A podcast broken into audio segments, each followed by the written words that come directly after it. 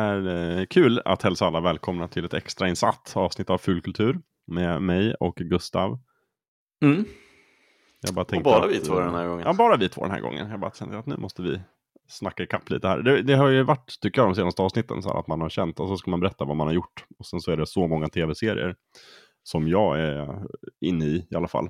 Och så har man liksom inte hunnit med det riktigt. Man känner att nej men jag ska, jag får inte, liksom, vi har ett huvudämne och, att ta hand om och jag måste prata om Ja, det man vill inte- tänkte jag bara vi samlar ihop alla tv-serier nu och bara liksom betar ikapp dem. Och jag tror, att, jag tror nog att både du och jag har känt att eh, vi, vi synkar ganska bra just nu i det vi kollar på. Eh, Ja, och exakt. att det, det, att det också blir det. Vad, vad har du gjort sen sist Gustav? Jag kollar på de här fyra tv-serierna. Och så sen så vet jag att jag kan inte prata om alla för jag vet att Jakob förmodligen kommer att vilja, vill inte stjäla hans material. ja exakt. Ta, med hans eh, segment liksom på... Exakt. Det är därför Lövet inte var med heller, för han kollar ju på tv-serier lite annorlunda än vi. Han, han tenderar ju att liksom samla på sig en hel säsong först. Och Precis. till, se allt. Så då tänkte jag, jag ska inte spoila sönder nöjet för honom. Så tänkte jag, då, Mm. Och vi ska väl försöka att inte eh, spoila sen nöjet för lyssnarna heller. Vi kommer ju att Nej. prata om dagsaktuella serier och eh, väldigt mycket serier från 2021. Mm. Och vi Ja, har inte hunnit med allt än så länge, men om, så vi ska försöka att inte säga avsnitt 6 när det där händer.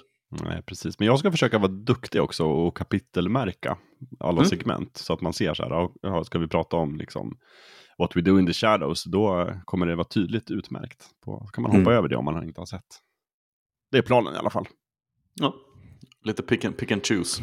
Ja, exakt. Sen, jag vet inte hur, hur din en typisk vardagskväll ser ut i ditt liv, Gustav. Men för mig är det så här att jag, jag lägger typ barnen och sen så kollar jag på tv. Mm. Om jag inte håller på med någonting så här speciellt spel som jag är helt inne i. Till exempel nu spelar jag ju väldigt mycket Metroid Dread. Metroid. Dread, right. Fantastiskt spel. Eh, men annars så är det ju liksom det man orkar med. Oftast är det väl några tv och serier. Och då har jag liksom rangordnat dem. Så det finns ju de som är lite så här, okej, men nu idag känner jag mig ganska pigg. Nu kan vi kolla Mm. på ett avsnitt av den här serien utan mobiler.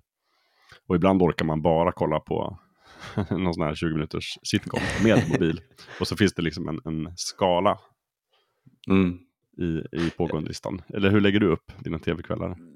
Alltså det är lite, det har inte varit jättemånga, en sån typisk onsdag, komma hem från jobbet, nästan vara för trött för att laga middag. Mm. Och så landar man i soffan och kollar på, kollar på Netflix eller Disney Plus en hel kväll. Det som har hänt mer och mer är att eh, söndagarna har blivit, söndagen kan jag bingea, du vet, två säsonger av någonting. Ja, Och kanske inte, till, inte ens två säsonger av samma serie utan då kollar jag på hela Star Wars Visions och så sen så kollar jag på första säsongen av någonting annat. Eh, Så jag tar liksom lite större sådana, inte, inte riktigt som Lövet gör. Eh, Jag har inga problem att hoppa på någonting som då har släppts tre avsnitt av. ja. Men, eh, men jag har polat lite mera till typ söndagar. Som blir en sån dag när jag tänker, ja vad ska jag göra idag? Jo, jag ska kolla ikapp på, ta mig an det här. Och Mm. sådär. Ehm, ja, men annars är det, det, det vanliga, mitt MO är ju verkligen också komma hem från jobbet. Och ärligt talat ibland inte känna att man har liksom eh, kraften och orken att göra någonting så, eh, så interaktivt som att spela ett spel liksom. Nej, ibland är Eh, det lättare att slå sig ner och liksom bara få det, någonting att titta och lyssna på. Liksom. Mm. Jo, men precis. Ehm, Men sen är det ju också så att, alltså vi kollar ju lite på tv varje dag, men, men vissa avsnitt, eller vissa serier är ju så här, men den här kan vi inte vänta på till söndagen. Den Nej, nej. hoppar vi på direkt när den Precis. kommer. Men sen finns det ju de här ja, avsnitten som, ja men den här spar vi till helgen. ja, men det, för Man det, sprider där, lite grann över veckan så. Och där har ju eh, Ted Lasso har jag sett varje nytt avsnitt mm, fredag utan att Mm. missa. Liksom. Ja, nej men Ehm, samma här. Medan Only Murders in the Building, fastän det är liksom en whodunit där man hela tiden tänker, Ja. åh, vad kommer hända nästa avsnitt? Det har jag faktiskt kunnat spara, spara på. Det släpps väl onsdag eller torsdag. Tisdagar till och med. Tisdagar till och med. Ja, helt sjukt. Ja men du hör ju, för att det har varit så här onsdag, ja men då finns det förmodligen ett nytt avsnitt av Only Murders, men jag kan ta det på, jag tar det till helgen. Mm. Ehm, så ett avsnitt i veckan, men jag lägger lite efter, det är inte någonting jag hugger så fort jag vet att det finns finns på tjänsten. Nytt Men du kollar på den i alla fall, det är roligt. Ja. Det gör jag. Roligt. Men ska vi börja i den änden kanske? Vad är det liksom, vilket, är det Ted Lasso då? Eller vad är, vad vilket, eh, vilken tv-serie är det som drar mest just nu? Alltså, som du blev klart nu. Så, efter. Ja, den är ju precis, den är så, avslutad. så, men det var definitivt under hela nu säsong två Mm. så har jag sett fram emot fredagen. För jag vet att jag kan antingen börja dagen med att redan innan jag käkar frukost så sätter jag mig och kollar på Ted Lasso. Eller så vet jag att det här är någonting jag ser fram emot sen. När jag tar helg så kan jag kolla på Ted Lasso liksom. Ehm, och jag vet inte riktigt när jag kände så för en serie senast. Eh, jag hade så samma sak med Loki. Mm. Eh, men, in, men inte, på, för att med Ted Lasso känner jag verkligen att vi kollar på någonting. eh, Vi, vi är mitt i en ny milstolpe när, när det kommer till komediserier på något Ja. sätt. Mm. Ehm, så det är fantastiskt roligt att vara med när det händer. Mm, eller hur? Du ser, du ser tv-historia skapas i realtid. Ja, men precis. Jag, menar, för all, så många andra sådana serier har jag sett först i efterhand. Eh, The Office, 30 Rock och Ja. Vänner var ju liksom Mm. lycka till att se Seinfeld. det när, när det kommer. Seinfeld. Ja. Mm. Och jag känner att Ted Lasso gör någonting, gör någonting som inte gjorts tidigare. Mm. Ja, men ska vi börja med lite Ted Lasso då? Eller ska vi bryta ner liksom säsongen där? För den är ju, andra säsongen har precis avslutats. Och den Ja. rullar på tjänsten Apple TV+. Precis. Och jag vet inte, den är väl, har väl fått jätte, jättemycket mainstream uppmärksamhet, antar jag. Och den vann ju massa Emmys. Ja, jag tror alltså, det är väl deras stora hit. Får man väl säga. Precis. Ehm, och det är skönt också att det var, eh, jag, jag tycker att säsong två är ännu starkare än första säsongen. Jag med.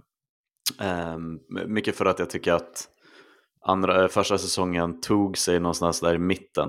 Ehm, när de hade fastställt karaktärerna, trodde man. Ehm, och så körde de på. Men jag tycker att hela säsong två har hållit samma höga nivå som slutet på första säsongen. Ja. Ehm, och jag tror att den bästa, men, men man måste ju komma ihåg att Ted Lasso var en sån serie som du och Amanda Ja. förra året verkligen var tvungna att sälja in. Just det, precis. ja. Ge- Bland annat genom att säga så här, liksom, den är inte som man tror. Nej, nej. För att läser man bara konceptet, eller liksom så här, åh, amerikansk eh, college eh, football coach hamnar Mm. i, engelsk, i England och ska leda ett Champ- Champions League fotbollslag. Tokigheter Ja, men uppstår. Då tror man att det är en typ av sitcom liksom.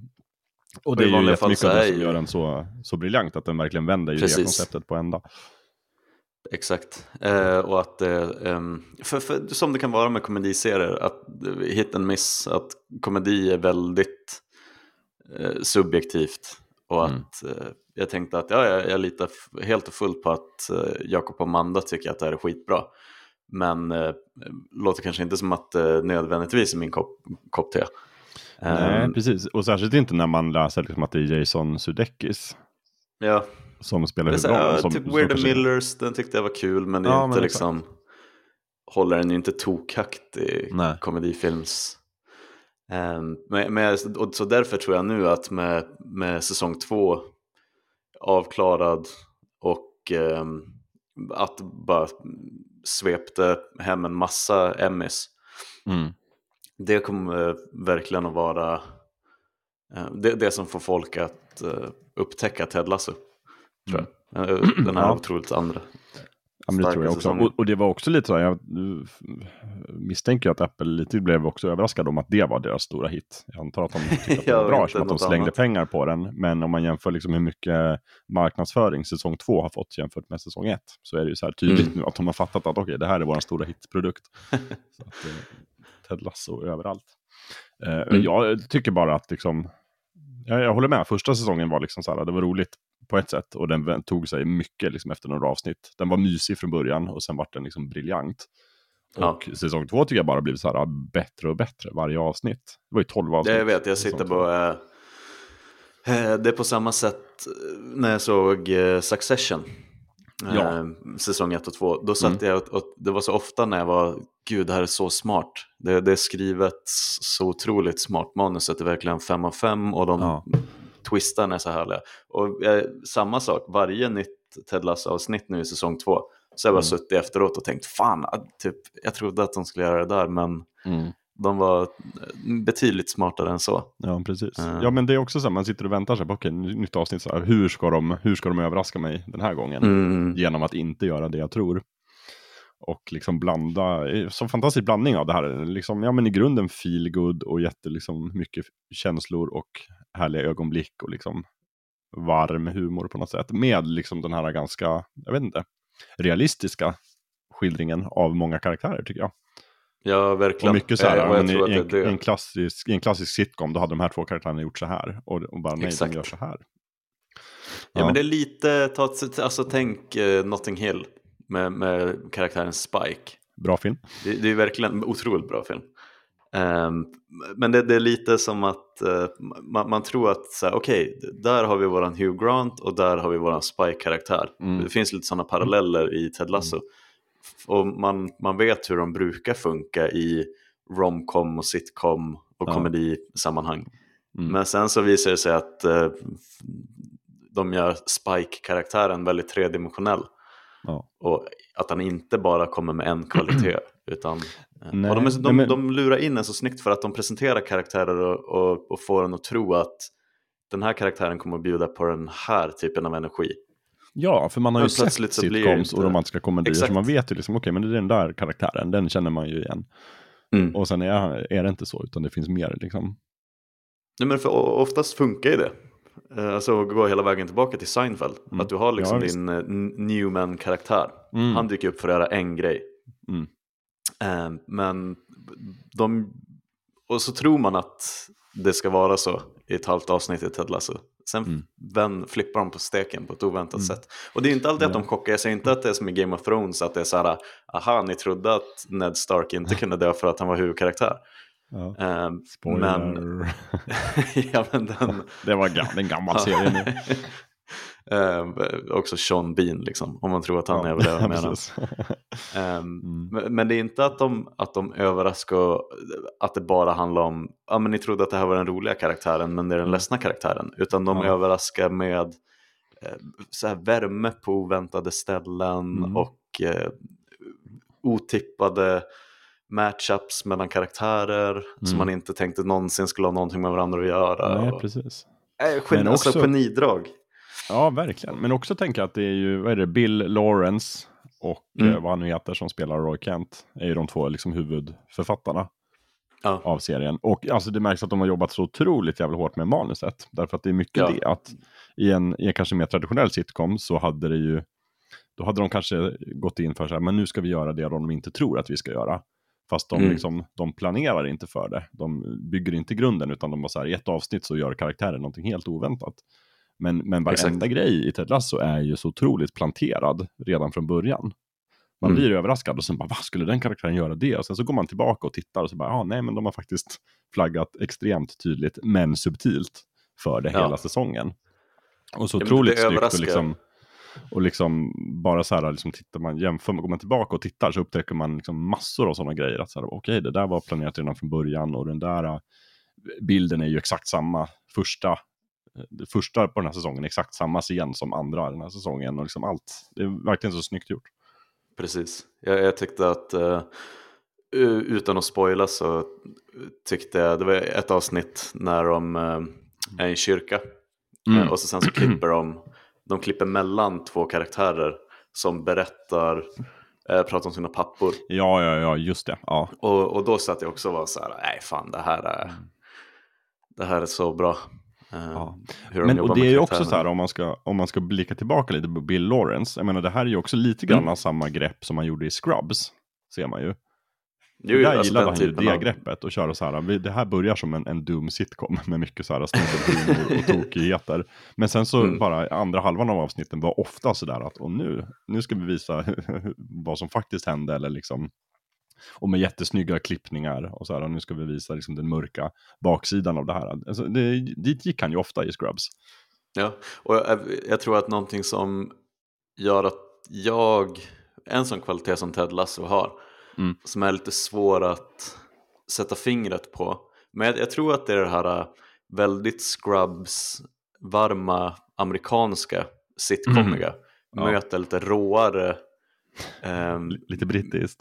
Lite, lite råare cynisk brittisk humor Ja. och att ja. det är sån konstig clash. Det, det tror jag gör att det känns väldigt, eh, väldigt nytt och fräscht. Ja. Att det är verkligen två olika inställningar till, eh, till komedi och vad som är roligt och hur. Mm. Eh, och och där, där tror jag att de möts jättebra, Bill Lawrence och eh, jag måste googla vad Roy Kent skådis Brett heter. Goldstein, jag googlade honom Goldstein. precis. Yes. Perfekt. Eh, jag, jag tror att det eh, också är liksom ett eh, rent ett produktionsmässigt genidrag att de två möts och får skriva manus.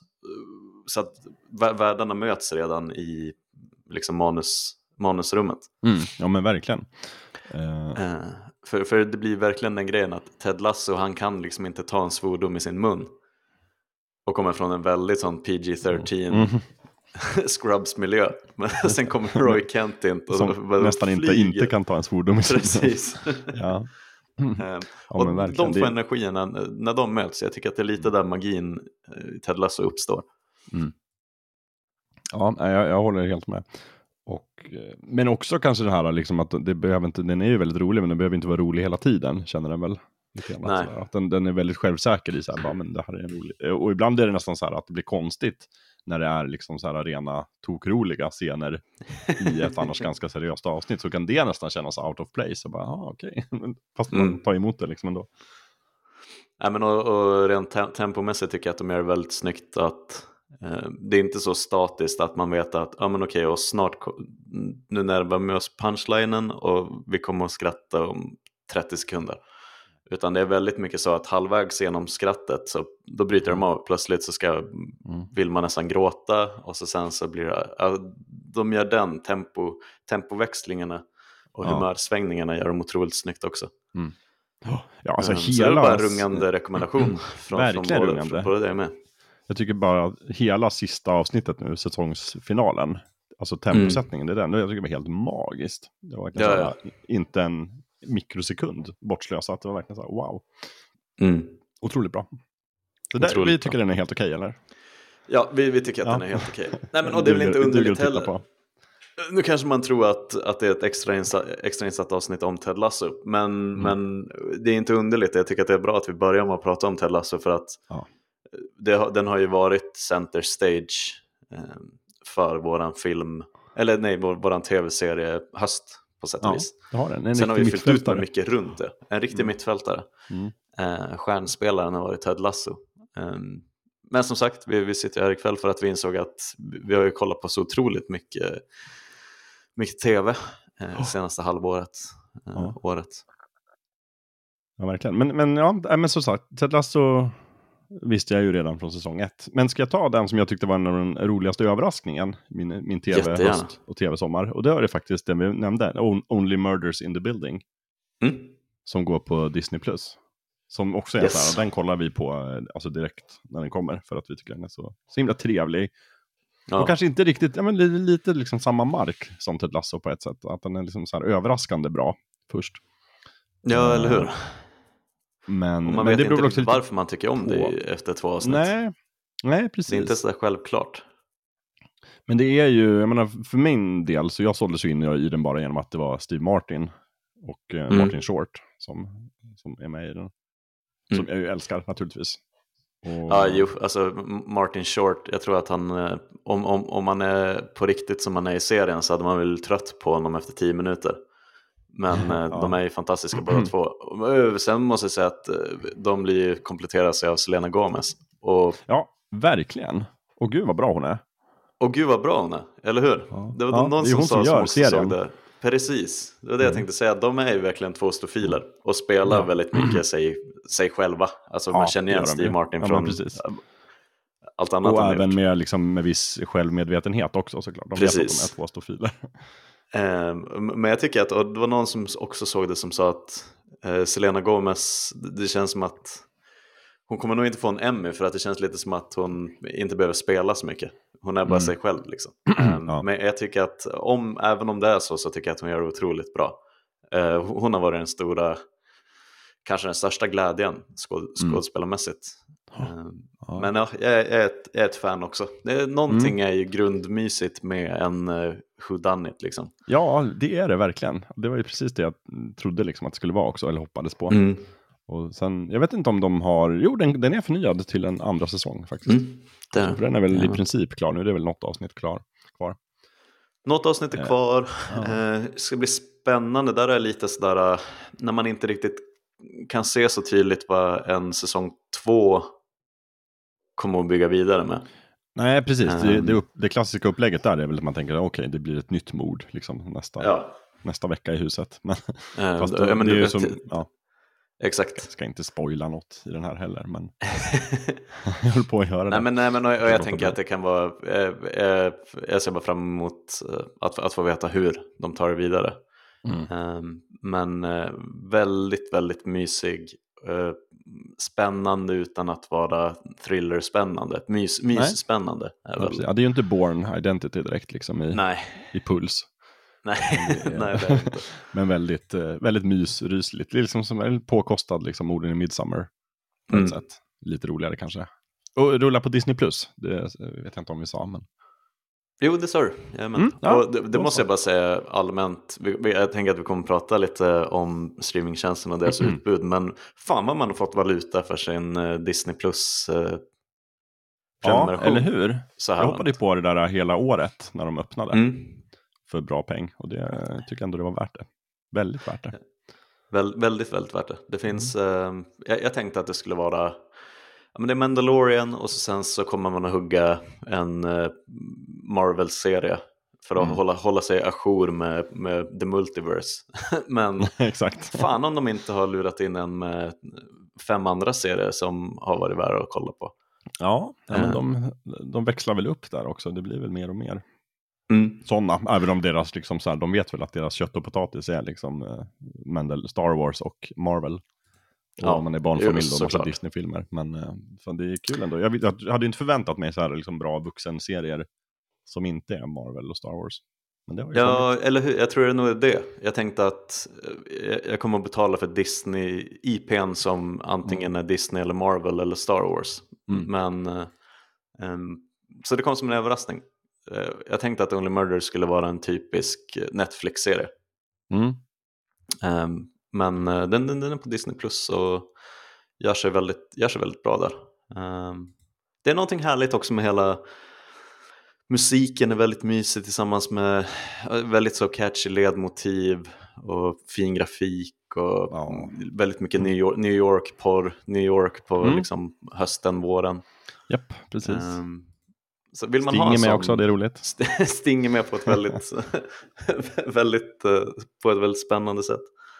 Ehm, nej, det, det är väl det är också två, rungande tummar upp Mm. från mitt håll. Mm, ja, Ehm. verkligen, samma här. Mm.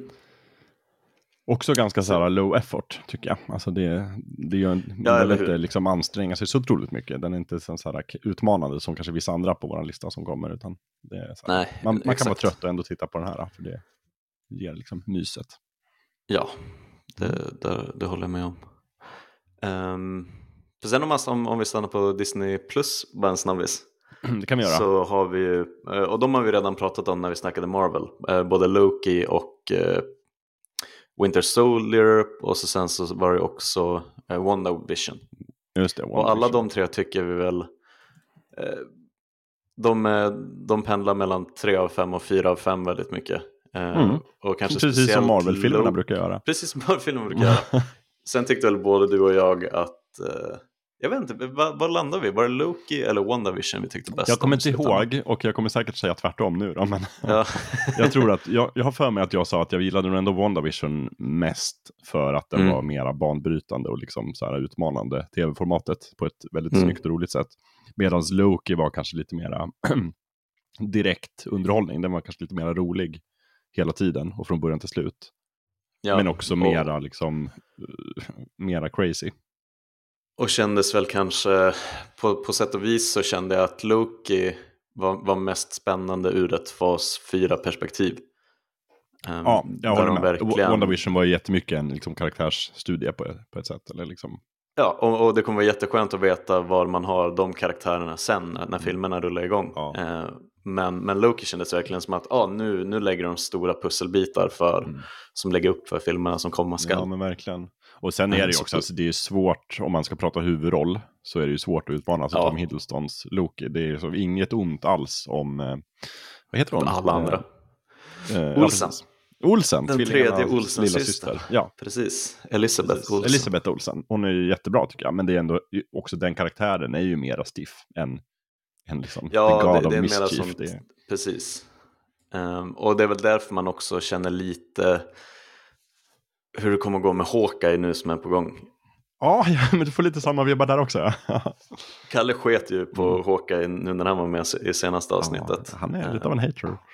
han, är en, han, är en, han är en Hawkeye-hater. Men, och jag har ingenting emot Jeremy Renner. Nej, inte jag heller. Men jag skulle precis säga det också, att man kollar väl inte bara på en Marvel-serie, utan man kollar väl på allt. Liksom, eller Ja. inget. Men där är ju, Kalle är det levande beviset för att man kan absolut kolla på en halv Marvel-film och sen sluta.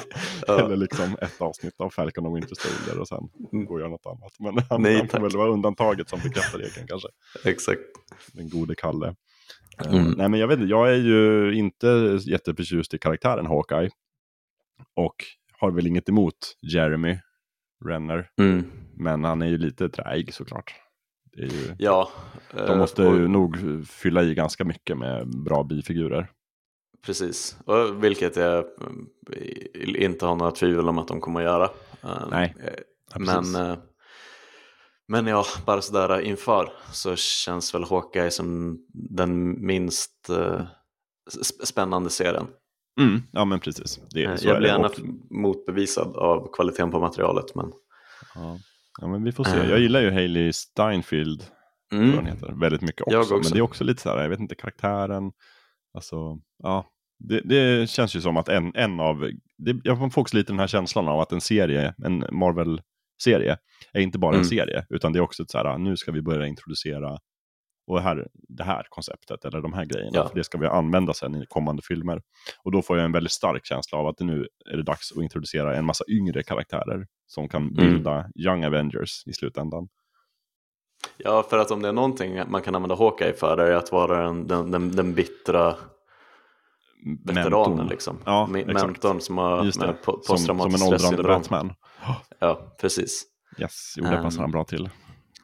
Ska vi se. Det, det kanske det det visar sig att uh, Hawkeye blir lite en sån coming of age-serie för Ja, unga. Marvel-karaktärer. Precis, verkligen. Kate Bishop ska bli nya Hawkeye. Precis. Och det är väl schysst också. Jag menar, de måste ju få den stenen i rullning eftersom att alla skådespelare alltid blir äldre. Ja, ja, så är det. Så är Så det. att det är väl, och jag menar, det kommer ju framöver också en ny Iron Man-serie tror jag också när det blir en ny Iron Lady. Mm. The Iron, ja precis, Margaret Thatcher. Eh, Ja, precis. Nej, men jag kommer inte ihåg vad den heter. Iron Heart tror jag serien heter som kommer. Men det är Iron nog något Heart. år fram.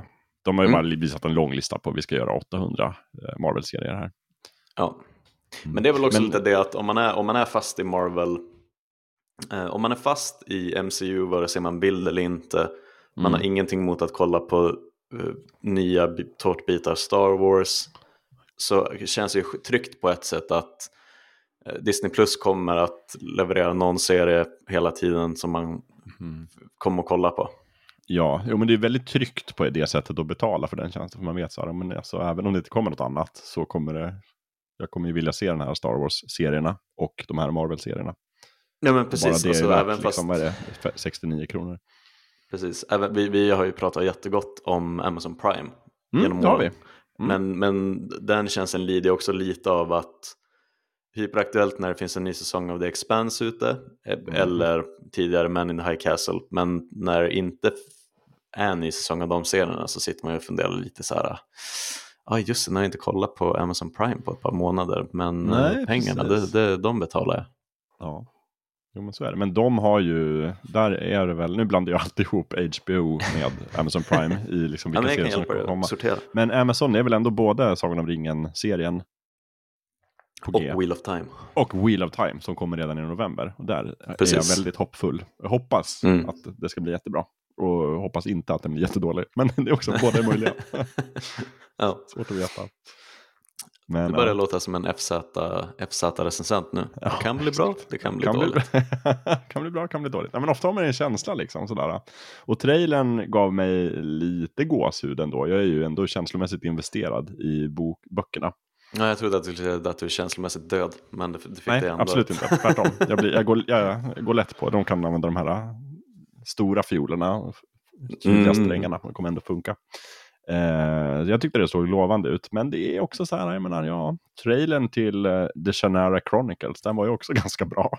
Och serien var ganska var- dålig. Mm.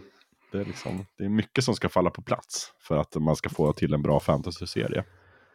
Inte minst liksom, enorma mängder pengar och många säsonger. Och, och, och också kanske mest av allt ett enormt upphaussat IP med Ja. otroligt många fans Mm, som ja, vet verkligen. exakt hur de skulle vilja se att eh, Ja. en serie görs. Så, att, så på ett sätt blir jag ju förvånad om de liksom lyckas ro i hamnen. Det känns ju som att det är lite som man kände inför Sagan om ringen-filmerna när man hörde att de ska komma. Å ena sidan, Mm. ja, som nörd så blir man ju liksom, det är en, ens dröm som går i uppfyllelse. Å andra sidan, det kan bli väldigt dåligt också. Nu blev ju det bra. Ja.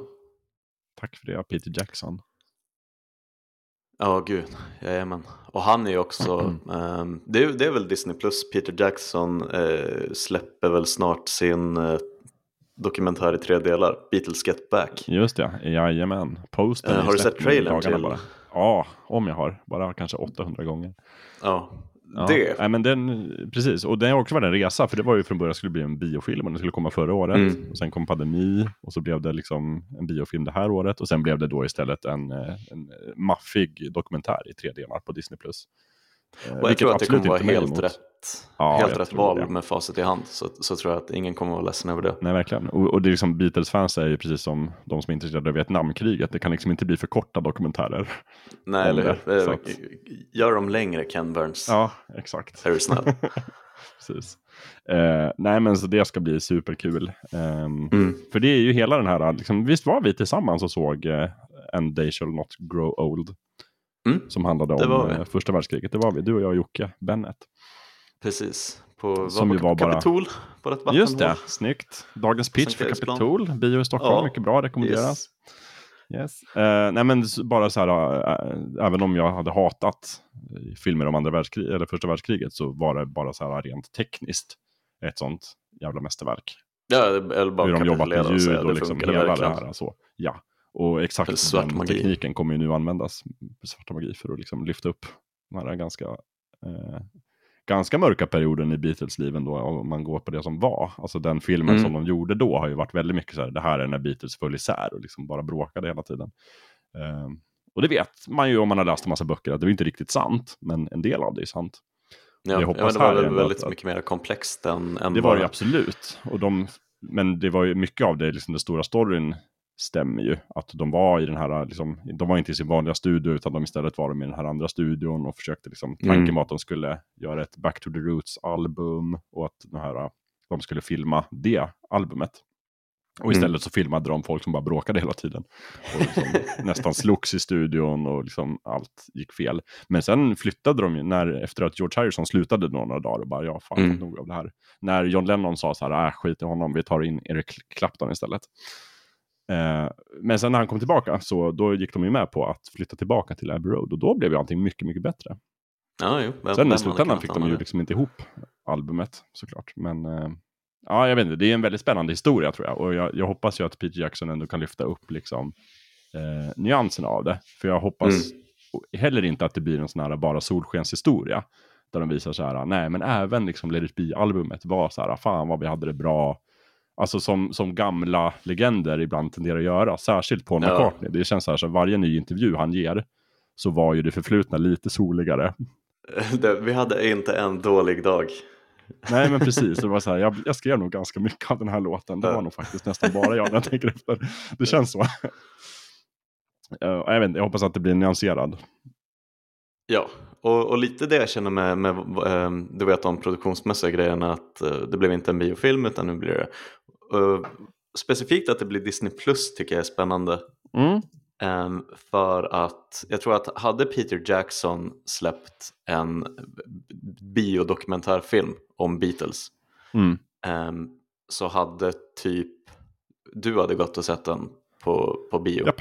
Ja, Eh, men du hade inte fått hit särskilt många 15-16-åringar även om de liksom tycker att Let it be är en skitbra låt. nej men precis, det har du nog rätt i.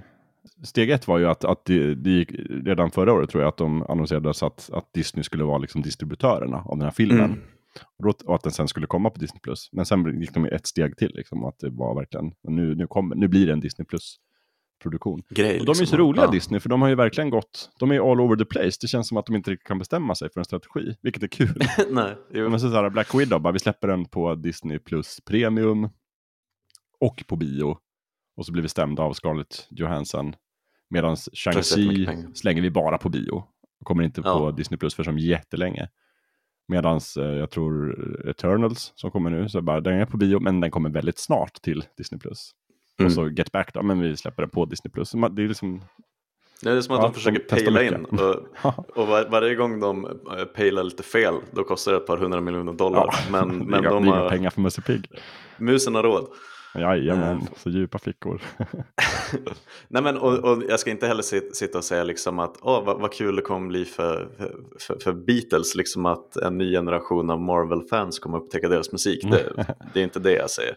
Nej. Den draghjälpen behöver de ju inte. Nej. Men jag, jag tror att, att, att, att de släpper den i tre delar på Disney Plus och att den Mm. kommer att ligga på nya, liksom, nytillskott bredvid The Book of Boba Fett Ja, jo. kommer att göra att eh, en, en helt annan målgrupp kommer att kolla på den. Som det blir Ja. när man säger att ah, men, ja, varför inte kolla lite Beatles-dokumentär när jag käkar min... Ja men verkligen så. Vissa kvällar har man ju inget annat att titta på liksom. Och då Precis. har man det. Om man överhuvudtaget är intresserad av musik eller liksom dokumentärer. Eller Peter Jackson. Mm. Jag hoppas ju bara att den blir lika bra som eh, Martin Scorseses George Harrison-dokumentär. Ja, Living in a material world. För den var ju suverän. suverän. Mm. Men det där med, det är någonting med musikdokumentärer. Eh, Jag såg, eh, den är inte från i år, men den ligger på Netflix tror jag, dokumentären om Stone Roses. Ja. Och nu glömmer jag bort vad regissören heter, men det var han som gjorde This is England. Ah, okej. Um, som fick följa med, Stone Roses hade ju eh, liksom, jag vet inte vad man ska kalla dem, alltså för, förlagan till eh, i, innan Oasis liksom. Mm, just det. Eh, så fanns Stone Roses. Gjorde ju som bekant två, två album innan det sket sig och bandet for åt olika håll, Just eh, medlemmarna. Eh, men, men de möts igen, jag tror att det är 2010 eller 2011. Ja. För att jag tror att eh, sångaren som ligger i skilsmässa och behöver, han behöver pengar. Så han drar ihop bandet för en till turné. Och så Ja. ska de spela på Glaston, Glastonbury. Um, Och det samma sak där, vara- att otroligt spännande. Så svårt att göra en musikdokumentär dålig Ja, jo, det är det. sätt. Alltså Samtidigt svårt är det att också... göra den riktigt bra. Ja, Ja, men det beror lite Men- på också vilken, liksom, vilket band det är. Jag, menar, jag har svårt till och med liksom, Shane Meadows eller Peter Jackson eller Martin Mm. Scorsese. Jag hade nog haft svårt att göra en bra dokumentär om Per Gessle kan jag tänka mig. Det Jo, måste ju liksom finnas något, något stoff i, i musikerna. Men det är ju det inte ont om sådana liksom. musiker. Ja. Det finns ju massor tokiga musiker som man kan göra dokumentärer på. Så att, ja. Nej, Nej, det- det, det det, är ser jag faktiskt fram emot. Typ Thomas Eh. Alfredsson gör en en och en halv timme lång dokumentär om när, när Per Gessle skriver eh, Nu kommer alla känslorna på en och samma ja, gång. det. Vet jag inte Precis. om jag hade. Kanske inte kommer på Men, Disney eh, Plus, men kanske på, eh, vad, är, vad heter den? Kom hem Play Plus. ja, något, eller hur? Via, via, via Play. Just det. Um, men men men så jag ser kul. väldigt mycket fram Tack, emot. eh, tack för att du påminner mig. Jag hade liksom glömt bort. Jag förtränger den här hela tiden för att jag, jag väntar Mm. på den så länge. Så att, men det är ju snart, den kommer ju i november. Ja, Yes, skojigt. Och det är en sån här uh, rolig grej. De släpper ett avsnitt om dagen ja. i tre dagar. Så det blir, det, det blir en liten happening. Och det, det Mm. tycker jag också om. Jag också. Att, eh, och då, då kommer diskussionen att snurra igång lite på internet efter avsnitt ett. Och, Mm. alltså, det ska bli spännande. Det känns väldigt så. eh, eh, Precis. Man undrar ju om de har släppt någon, liksom, om de har förberett någon liksom bomb. Sådär, som bara, "Åh, ja, nu kan vi avslöja att det var aldrig, det var Ringo som skrev Let it be. Eller något sånt. Mm, får se. Men du, kan vi stanna lite till på Disney Plus och gå tillbaka till Marvel bara? Jag tänkte bara snabbt kolla, har du, kollade du på den här What If? Serien? Nej, det var en Du av dem. den? Okej. Nej. Den var på min lista över eh, serier jag inte har kommit till än. Och What If är en av dem. Mm. Eh, Men du, och det börjar bli svårare och svårare. den. För du har inte Jag kollat på fattar. den. Jo då, jag har kollat på den. Du har kollat på Absolut. Ja, det var, men det är också så här, det var den här serien jag kollade på liksom den kvällen i veckan när jag var uppe sist och liksom bara är trött med Ah, jag vill okej. inte riktigt gå och lägga mig. Så att, eh, jag tyckte jag gav den ändå liksom hyfsad uppmärksamhet. Och jag tyckte den var Mm. intressant. Den är sevärd, men, men inte på något sätt liksom fundamental för, eh, för att följa med i Marvel-universumet. Men bra och väldigt snygg, liksom, animerad. Men vi behöver inte prata inte mer om den. heller... Eh, jo, nej, men för det, det jag skulle säga om den var att Mm. det börjar bli svårare att undvika den. För att den dyker upp så sanslöst Mm. mycket i eh, alltså, sociala medier. Discover Ja. på Instagram. Ja, just det. Mm. Så ser jag liksom Zombie Captain America Mm. dyka förbi och Mm. någon typ av galaxätande Doctor Strange. Så jag tänker fan det där måste jag hoppa in i nu. Ja, alltså det, det, en sak ska jag säga om den. Det är att den har gjort mig extremt sugen på nya Doctor Strange-filmen som kommer nästa år. Mm. eh, In the Multiverse of Madness. Väldigt bra. Men, men också så här, ehm, alltså det är ju fanservice. På mer, Ja, och än, ingenting är liksom, mer än andra serier och filmer är. Precis. Det, bygger ju väldigt mycket på att man, så här, man ska komma ihåg vad som hände i Iron Man 1 och i Black Panther och i liksom alla filmer. Sådär, hyfsat i alla fall. Och man ska vara intresserad av det på något sätt. Sådär, som, som kanske inte alla som kollar på Marvel-filmer är. Men Ja, är man det det, då lite- tror jag man kan få ut mycket av den. Det är väl lite den, eh, nu, nu tar vi ut svängarna för våra mm, liksom, riktiga fans. Ja, ja men precis. Som Och också älskar liksom- allting Marvel. och- Och då kan man ju också verkligen se så här, varför har ni gjort en animerad? Jo, därför att visst, ni är Disney, ni har hur mycket pengar som helst. men det är inte bra investerade pengar i att göra liksom den här som en live action.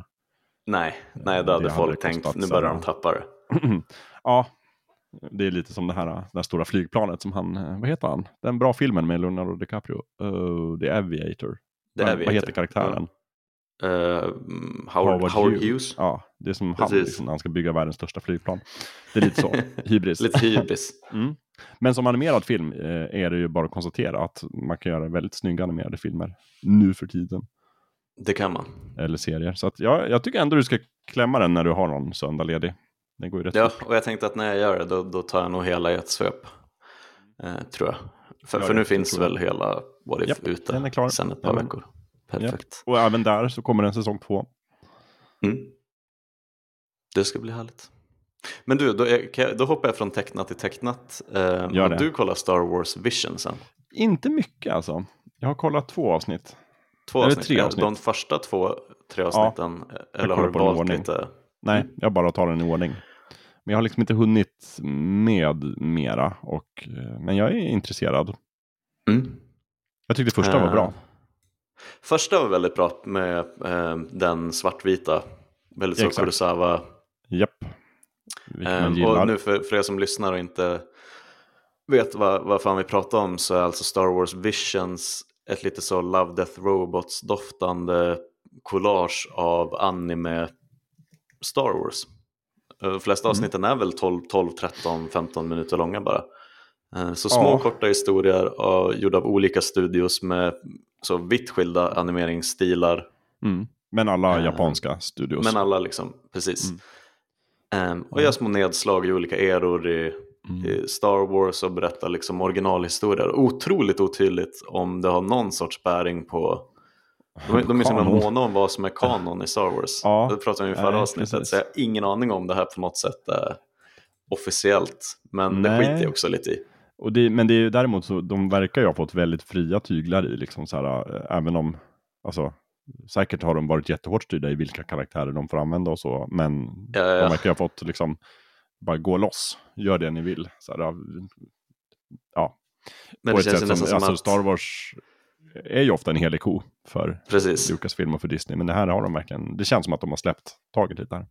Mm. Jo, det är inte den, för tidigare kändes det som att var det att eh, en, en väldigt så skakig producent eller projektledare har Mm. stämt möte med en, en, en Disney eller en Lucas representant och sagt hej, vi tänkte att den här karaktären skulle ha rött hår, är det, Ja, Och så öppnar de Bibeln och kollar. Hmm, nej, det... Nej, det står här det blir ett nej George. Lucas har skrivit här i handskrift att den har inte rött hår. Så att, Men jag menar, men här har du ju liksom, här har du ju en, en gullig liten robot som blir en jedi och det är liksom, ja, nej, den, den känns inte särskilt eh, liksom, kanonaktig, men den är väldigt rolig. Och det är väl lite, kanske lite tanken med det också, liksom bara Mm. bredda Star Wars lite. Men, är eller så bara någonting- tänker de så här, "Ja, men det är bara tecknat, det är ingen som kommer ta det på allvar. nej, kanske att det är det. Mm. Att eh, eh, man kommer undan med mer Mm. om vi gör det tecknat. För då kommer, är det dåligt så då, då tänker ingen mer på det liksom. Nej, Eh, och är det bra så kommer folk att säga fan vad kul att de tar ut svängarna lite med Star Wars. Och det är väl också någonting som är typ till skillnad från Marvel. Problemet med Marvel har väl aldrig riktigt varit de senaste par faserna att de är för eh, de är för styrda av att göra en grej om och om igen. Ja, såklart är ju liksom eh, dramaturgin är ju densamma i varje Marvel-film Mm. med liksom en bombastisk tredje akt och eh, Japp. lite så skämt Mm. mellan varven. Men, men det är ju inte... Problemet med Star Wars för många nu de senaste åren tror jag har varit att oavsett om det är ett spel eller en film eller en serie så måste det kopplas till Skywalker-sagan på något sätt. Ja, exakt. Ehm, och Vision säger verkligen det motsatta. Här får du liksom ett avsnitt som är väldigt så Knights of the Republic-doftande och Mm. de nämner ju inte Luke eller Leia eller Darth Vader liksom ett enda avsnitt utan det är väldigt så små, små nuggets av Star Wars från ett oändligt stort universum. Mm. Ehm, för det uppskattar jag Visions väldigt mycket. Ehm, Ja. Men det är högt och lågt, man ska inte förvänta sig att tycka om alla avsnitt, eh, tror jag. Nej, men, men så är det. Men det är verkligen, jag är verkligen en tumme upp för konceptet. Och för så här, Mm. bara, ja, det pratade vi om i Star Wars-avsnittet, alltså att experimentera mer för guds skull. Ja, alltså släpp tyglarna lite grann. Mm. Och Det låt går alltid folk... att hova in det sen. När det är dags för nästa, liksom, nästa trilogi. Och du kan alltid, man kan alltid med nästa stora trilogi markera att det här är Star Wars när det är som mest officiellt. Mm. Eh, men för guds skull, låt, låt alla andra kreatörer med smarta Star Wars-idéer göra sin grej på sidan av, på sidan om det liksom. Ehm, en, och en bara sista grej jag ska säga om Visions är att Star Wars i grunden är ju väldigt inspirerat av Seven Samurai och Kurosawa-filmerna. Eh, och bara den liksom japanska estetiken med samurajer och ronins. Ehm, så det gifter sig ju väldigt, det är väldigt naturligt för Star Wars att ta sig an anime på det Ja. sättet. Ja, verkligen. Ehm, så, så det känns ju väl, väldigt bekant och Star Wars på ett sätt, även om man kanske inte har sett det i, den här stöpt på det här sättet tidigare. Eh, också på Disney Plus såklart, eh, när vi snackar Star Wars. Ja, visst. Och den tar, man ju också, den, den tar man ju på en dag. Liksom. Ja, det gör man. Det, eller det borde man göra i alla fall. Jag, Mm. jag ska ta tag i den där nu. Faktiskt. Eh, ja, du, ja. vad ska vi ta nu då? Jag tänkte att vi kunde stanna i tecknat en stund till och bara beta Ja. av de här andra. Kul. Du har så Verken seamless segways. Eller hur? Det är väl Bra. bara klaffar och har sig. Vad blir det nu Ehm, då? Rick and Morty eller? Eh, varför inte? Rick and Morty säsong 5. Brände Var det de det du skulle ta eller tvingade dig att ta Eh, det, det var verkligen 50-50 mellan Rick and Morty och en annan serie. Ja, okej. eh, Ja, men då tar vi Rick and Men, Morty men vi, först då. vi börjar Rick and Morty. Mm. Jag har inte hunnit se alla på nya säsongen. Inte Kan jag alla. bara säga så här direkt. Jag lägger korten på bordet. Jag har sett kanske halva säsongen. Mm. Det var ju ett sen- litet glapp där när det tog ett par veckor för Ja, det var där de tappade mig tror jag. Att jag liksom måste, Mm. då, då dyker den inte upp i mitt flöde på Apple TV och sen så tappar jag den. Men eh, ja, du är bra att du påminner mig igen. Jag skriver upp här. Kolla klart. Mm. Rick and Morty. Ehm, jag tyckte att den var... Rick and Morty har ju lidit lite ända sedan säsong två av väldigt passionerade fans som tycker att det är på väg att gå åt helvete manusmässigt och storymässigt. Jo, ja, precis. Um, håller inte riktigt med om det. Kanske tyckte jag att eh, säsong 5 började starkare än vad den slutade. Mm. Um, men det är ju fortfarande väldigt mycket, tycker jag, galna Rick and Morty-äventyr. Och eh, även om man inte skrattar högljutt så är det som sämst, jag är väldigt mycket inne i den fasen fortfarande, som sämst är det 3 av 5, typ. Ja, ja men precis. Eh, något mer du vill tillägga om, lägga till? Nej, inte liksom. Jag eh, tycker bara att det, det är ja, en, en kul stund. Liksom. Mm. Och tycker ändå att även om alla avsnitt kanske inte är så här briljanta manusmässigt, vissa är ju det, men inte alla, så, så har man alltid trevligt. Och det är alltid liksom, det är alltid skojigt tycker jag. Och det känns, även fast det är säsong 5 så tycker jag att Rick and Morty känns fortfarande eh, det, det känns fortfarande eh, nytt och fräckt på ett sätt som eh, Family Guy och Simpsons och South Park tappade för 15 säsonger sedan på, något, på ett Ja. sätt. Mm. Verkligen. så man blir fortfarande så här, oh, det där gjorde de precis. Eh, jag skulle bli otroligt förvånad om jag såg ett avsnitt Simpsons idag och kände, wow, de, de, eh, de hittar ständigt på nya grejer där. Nej, verkligen. det, det är en väldigt, eh, väldigt utstuderad, no, known quantity på något sätt. Mm. Så den har vi. Ehm, Fortsätter vi på tecknat men släpper Mm. Ja. komeditecknat så eh, var ju det här året när eh, Masters of the Universe kom. Just He-Man. det. Ooh. Eh, med med Mar- Mark Hamill som eh, Skeletor. På Netflix va? Mm, på Netflix. Och visst är, eh, visst är Masters of the Universe den nya en eh, Kevin Smith-grej va?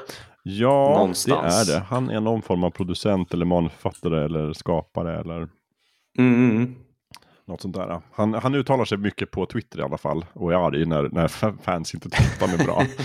Så blir, han går ju alltid i taket liksom. Han kan inte ta, Ja. han kan inte ta kritik. Så. Så att Ehm. han måste alltid förklara på Twitter varför det absolut är bra. Varför de har fel. Ja. Exakt. Men, men eh, bara det är ju en, en ganska påkostad, alltså det, det är inte, alltså inget ont om Dolph Lundgren, det var väl påkostat på sin tid när han gjorde en live Mm. action. Men här är det alltså som sagt Mark Hamill som Skeletor och Sarah Michelle Gellar är ju Tila och Lina Headey är ju med som Evelyn, så det är ju stjärnspäckad cast. Evelyn är sånt bra namn på, Ja. på en ond karaktär. Det är ett bra Twitter-handle eller Instagram-kontonamn. Verkligen. Verkligen. Mm. Nej men och den tyckte jag väl för att jag aldrig varit så investerad i hela He-Man-franchisen, liksom Masters Nej. of the Universe. Det har ju jag. Ehm, vi pratade om den ehm, ganska mycket ändå för ett par avsnitt sedan. När vi Gjorde fick, eh, ja men vi fick en nej, fråga, nej. vilken som var bästa Precis. karaktär. Just det, när jag hade kocken. Eh, precis. Chef Allen. Chef Allen, exakt. Mm. Han är bra. Ehm, men det var väl egentligen innan, jag vet inte om allting hade släppts då. Från den här första säsongen som Nej, heter det var Part nog 1. innan den kom faktiskt. Eh, och vi vet ju nu att vi får Part 2. Jag kommer ha fel nu för första gången i fullkultur. Men eh, tidigt Någon gång ska det 2022 hända. tror jag. Ja. Ja. Ehm, så det kommer in, det kommer en fortsättning på det. Men jag hade bara trevligt med Part 1, ja, måste jag säga. Jag också. Och för mig, för mig då som har varit djupt inne i He-Man, men, men inte aldrig lyckats se liksom tv-serien särskilt mycket när jag var liten på grund av hade inte satellit-tv eller parabol och så vidare. Eh, så tyckte jag det var fantastiskt bra gjort. Alltså det var väldigt så här, bra mix av nostalgi och lite så här, modernisering Mm. av, eh, av He-Man-myten. Men kul, Och att de verkligen. inte heller liksom ehm, ehm, jag, jag tycker att de uppdaterade liksom den ehm, estetiken till 2021 och eh, net, påkostad Netflix tecknat. Mm. Uh, Men de är fortfarande väldigt trogna eh, liksom originalet på många sätt. Känner Ja. jag. Det, det Ja. är inte som att de, de, de är väsensskilda animationsmässigt. Nej, Eh. precis. Nej, det är, men också inte så här, utan alltså, fil, den gamla så här, Filmation-serien, Filmation var ju Ja. kända för att liksom animera så lite som, som möjligt. Så här, men det är absolut nödvändigt att den här figuren rör sig. Men nej. Han huvudet när man kollar på, liksom. kolla, kolla på klipp från de här otroligt, alltså Starsinger till exempel. När i princip det är bara stillbilder. Mm. Eh, karaktärerna drar inte på munnarna när de pratar. Ja, utan och det, då är det ändå, då är det ändå liksom japansk animation som, som har någon form av lägsta kvalitet ändå. Filmation var ju Precis. tydligen så här, liksom, nej, vi, är alltså mycket stillbilder. Men, Mm. men, men eh, hade ju en charm och så. Men, men den här nya, alltså Revelation är ju någon form av, av sequel till den gamla serien. ja, Har jag förstått det som. Så den ska ju ändå ta vid liksom. När... och det tycker jag att de gör. Um, alltså om man jämför, jämför Revelation med eh, vad vet jag, Star Trek Picard till exempel. Mm. Ehm, det ju, måste ju vara väldigt lockande att bara ösa på med fanservice och callbacks till, till tidigare historier. Mm, Ja, och det, var, det fanns det också i Revelation. Men Mm. det kändes mer som en rak uppföljare än vad Picard gjorde. Som mer kändes Mm. som att nu ska vi följa Patrick Stewart när han går minns den gamla goda tiden. Ja, ja, men exakt. Och så slänger vi in en ny, en ny story så att han har någonting att göra på vägen. Men ehm, Mm. Men ja, det känns Och som att Revelation tar liksom- eh, kan man ju säga mycket om, Kevin Smith liksom på olika sätt. Men jag tycker ändå att generellt är han bra och gör bra grejer. mm. Jag gillar ju de här um, US Universe-produktionerna han gör. Och han är ju uppenbarligen ett stort fan av liksom både He-Man och allt möjligt. Ja, det, för mig känns det lite som, jag minns när eh, en intervju med Denis Villeneuve, Dune Denis, Ja. Dune. när han pratade om Blade Runner 2049 och att han sa att jag var tvungen att göra den för att eh, liksom, jag vill inte att någon, en annan regissör skulle sno det här projektet och fucka upp det. Ja, nej men precis. Eller som, exakt samma sak sa ju Damon Lindelof om, eh, om Watchmen-serien. Ja men precis, Alltså, jag, jag kunde inte liksom leva med att någon annan gjorde en tv-serie på uppföljare till Watchmen. Nej, det, hade, det, hade blivit, det hade blivit för dåligt alltså. Mm, Eller ja, bara risken att någon annan gör det Ja, och inte lyckas. exakt. Eh, Då lever jag hellre med att jag inte riktigt får till det. Mm, jag måste försöka. Eh, nej men och lite så känner jag att det, det märks att Kevin Smith vet att om, om det är någon som ska göra He-Man material på Netflix, där, där är Mm. jag. Mm. Eh, kan inte bara sitta, det kommer vara för jobbigt att sitta och se någon annan göra det. Mm. Eh, så ja, ehm, om jag bara får slänga in en sista tecknad. Och Det här är jag osäker om, om eh, varken jag eller du har sett det. Men det är ju första säsongen av Invincible Nej, på jag har Amazon inte. Prime. Ehm, Men jag har hört gott. jo, jag har hört gott. Jag har sett, eh, jag har sett memes. Eh, Mm. Jag har sett eh, klipp på YouTube men jag har inte suttit med ner och faktiskt kollat på, kollat på serien. Ehm, och det är väl, jag vet inte vad man ska kalla det, men det är lite så temperamentsmässigt så gör den väl lite The Boys fast i tecknat Ja, manér. exakt. Att den sätter en liten sån mörk twist på superhjälte-genren. Och bjuder på liksom ultravåld och eh, gå, gå tvärs emot den, den van, det man är van Mm. när, det gäller superhjältar. Ehm, och framförallt, alltså jag, jag tycker att eh, egentligen så hade jag inte behövt veta mer om Invincible än att J.K. Simmons gör, gör rösten till en av huvudkaraktärerna. Eh, då blir jag per automatik intresserad. Mm. Ehm, så den har jag inte kollat på, eh, men jag har den på att göra-listan. Även om jag tyvärr liksom har blivit lite spoilad vad som händer och vad allting handlar om. Jag, hade, jag önskar att jag kunde upptäcka Invincible säsong 1 utan att veta liksom ett skvatt om vad jag ger mig in på.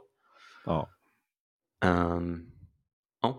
Så om det är någon som lyssnar nu som aldrig hade hört talas om den tidigare av någon anledning så föreslår jag att ni slår er ner Amazon Prime, kollar på Invincible och så sen så berättar ni vad ni tyckte i kommentarsfältet om, om, om en månad. Liksom. Utan att spoila.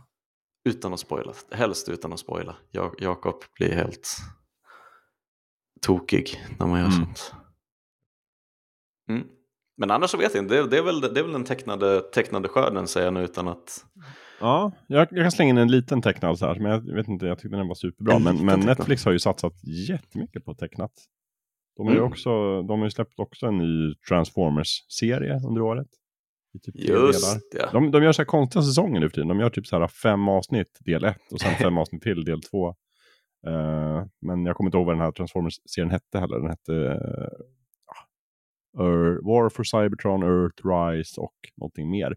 Jag tyckte den var, alltså, inte vet jag, två av fem kanske. Mm. jag vart inte superimponerad. Jag tyckte den var väldigt snygg och de fångade liksom visuellt fångade de det extremt bra. Um, men, men storymässigt så, så tyckte jag bara som en, ja, okej, det hände liksom, jag vet inte, den kom aldrig liksom loss.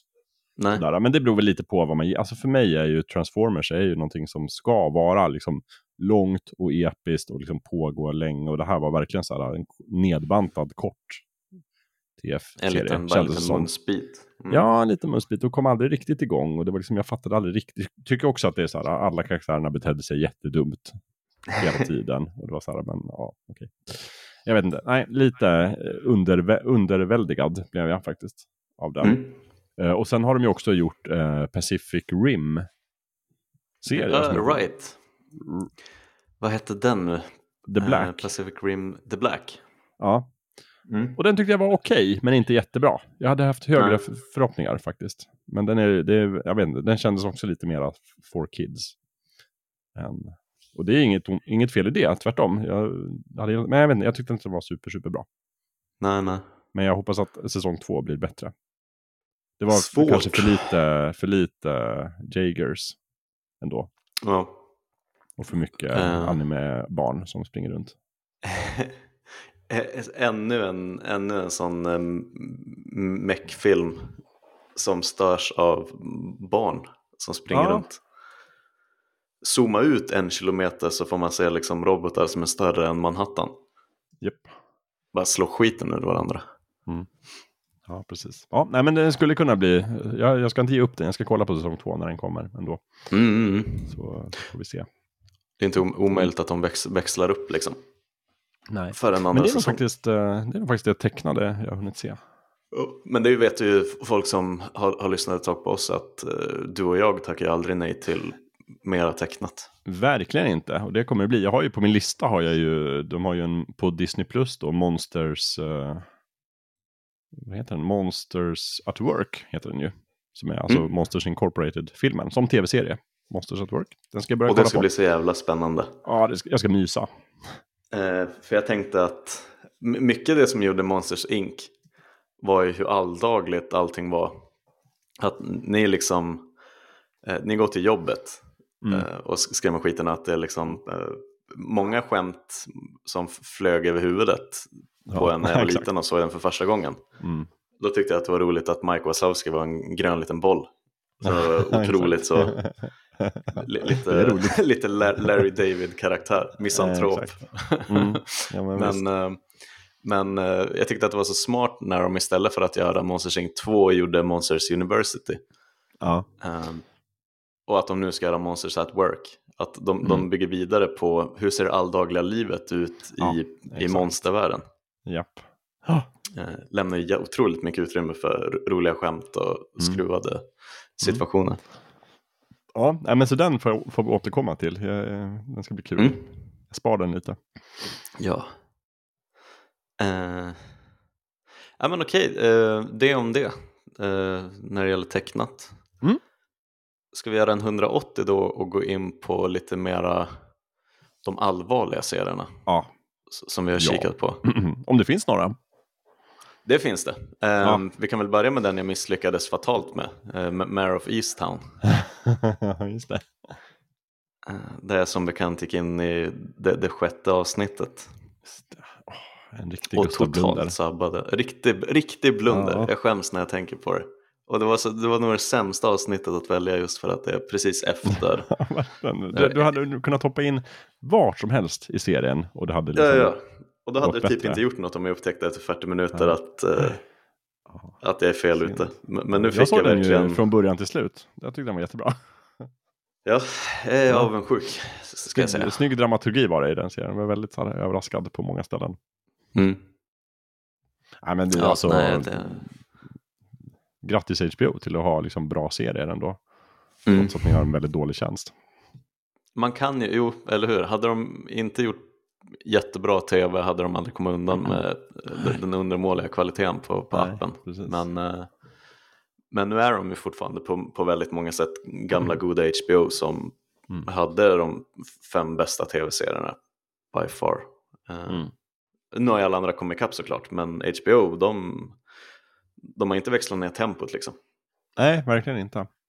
och kap- kapitulerat inför de andra tjänsterna som har dykt upp. Utan de, de pumpar fortfarande ut den typen av serier. Eh, Mm. De är ju mästarna, av- mästarna av miniserier på många sätt. Eh, och det, det märktes ju med Mare of Easttown. Mm. Fantastisk Kate Ja, Winslet. precis. Det Vad är det? jag Åtta nu. avsnitt eller? Åtta Sju avsnitt. avsnitt. Eh, sju eller åtta. Ja men Sju, precis, sju, sju kanske. stycken. Jag kollade precis. Ehm, som sagt, jag sabbar, jag, jag rekommenderar att man kollar 1 till 7 och inte 6, 1, 2, 3. precis, det blir Jag, lite inte, jag gjorde en sån oväntad machete-ordning på Mare of Easttown. Mm, exakt. Så Och jag tänkte ju också där ett tag, mitt eh, lite buyers remorse eller vad man ska kalla det. Du försökte Ehm, hitta så liksom försökte jag motivera Mm. att det kan vara så, jag säger inte att det är så, men det kan vara så att jag av misstag har upptäckt det optimala sättet. Det det att var se nog Mare of egentligen Easttown bra att det hände. Ja, Mm. eh, nej men riktigt Jo, så det var det det. inte. Eh, så det är, det är ju en självklar um, allvarlig en. Jag vet inte hur, hur allvarlig du tycker att For All Mankind är, men det vet jag att du har kikat på säsong två. Nej, men, nej, den är väl inte allvarlig, men det är ju drama ändå liksom. Sådär. Mm. Så det är väl så vi får klassa in det kanske, det är inte komedi.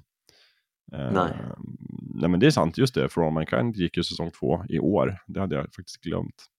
Men eh, den tyckte jag var väldigt bra, den håller stilen. Men det är mer så här, alltså.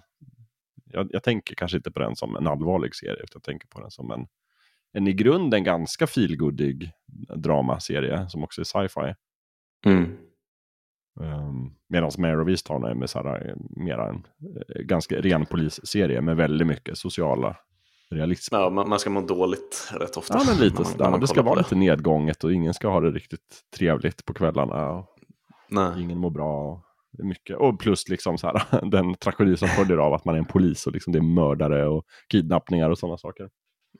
Ja, Du vet, missbruk och det är som Mm. att det är permanent eh, en slaskig marsmånad Japp. året Ja, runt. precis.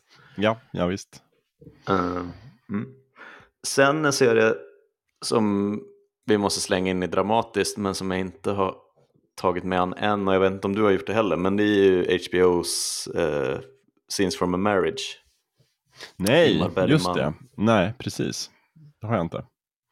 Eh, Scener äktenskap med eh, Oscar Isaac som vi älskar och eh, Jessica Chastain som vi också tycker är, för hennes lägstanivå är ju otroligt hög. Hon är ju Vad duktig i allt hon gör. för någonting? Eh, såg du Mollys Game när Ja. hon anordnade pokermatcher för Ah, ja, ja, kändisar? Okej, jag, jag har hennes Den, Wikipedia-sida uppe här nu, ja just det. Mm. Eh, Aaron Precis. Sorkin. Interstellar och The Martian också är hon ju med i båda. Jo, precis. jag henne. Eh, eh, Zero Dark Thirty också, så jag och bin Laden. Just det. Eh, men, jag, men ja, du har helt rätt. Jag tror att det är Interstellar som de flesta. Hon spelar ju dot, dottern till Ja.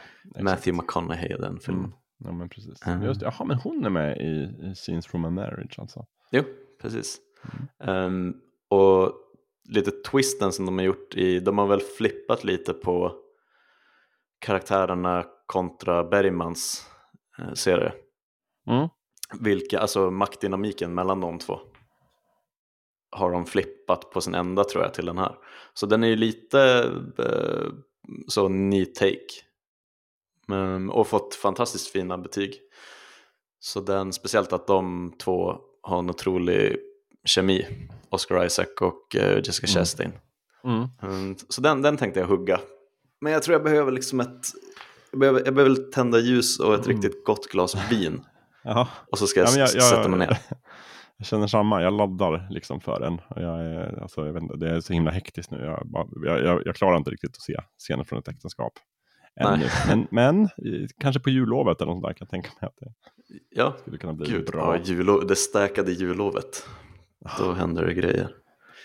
Eh, men ja, vi har ju fortfarande, vi, det är väl bara att vi hoppar vidare på serierna som är ute nu och som vi har sett eller eh, kan, kan se idag. Vi pratade Ja. om Foundation i förra avsnittet.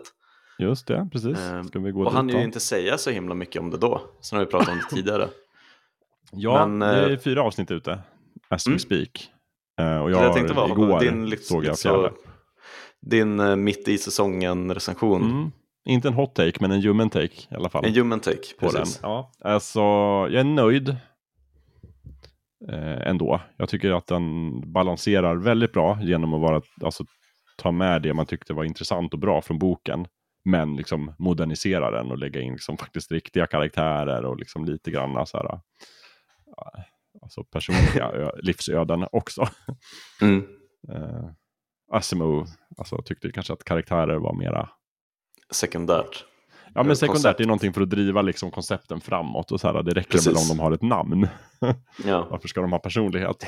eh, väldigt mycket, men, men eh, ja, här är det ju verkligen, jag tycker det är faktiskt förvånansvärt bra karaktärer i den. Mm. Och sådär. Den är ju skriven av, eh, nu ska vi se, eh, Josh Friedman som är mest känd för mig i alla fall. Som har en av de som skrivit manuset till Terminator, The Sarah Connor Chronicles, gamla Terminator-tv-serien. Ah, uh... Som jag vidhåller är en av de bästa Terminator-grejerna efter liksom T1 och T2.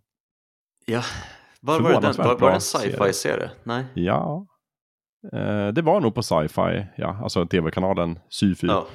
Uh, var det nog. Men det, för mig, den gick ju på typ TV4 eller något sånt där. För ganska ja, eller om det, var, alltså det var ju på den tiden när, det var ju innan streaming. Så jag ja, det var om, det. Om det var fyran eller sexan som Sarah ja. Connor Chronicles gick på. Mm.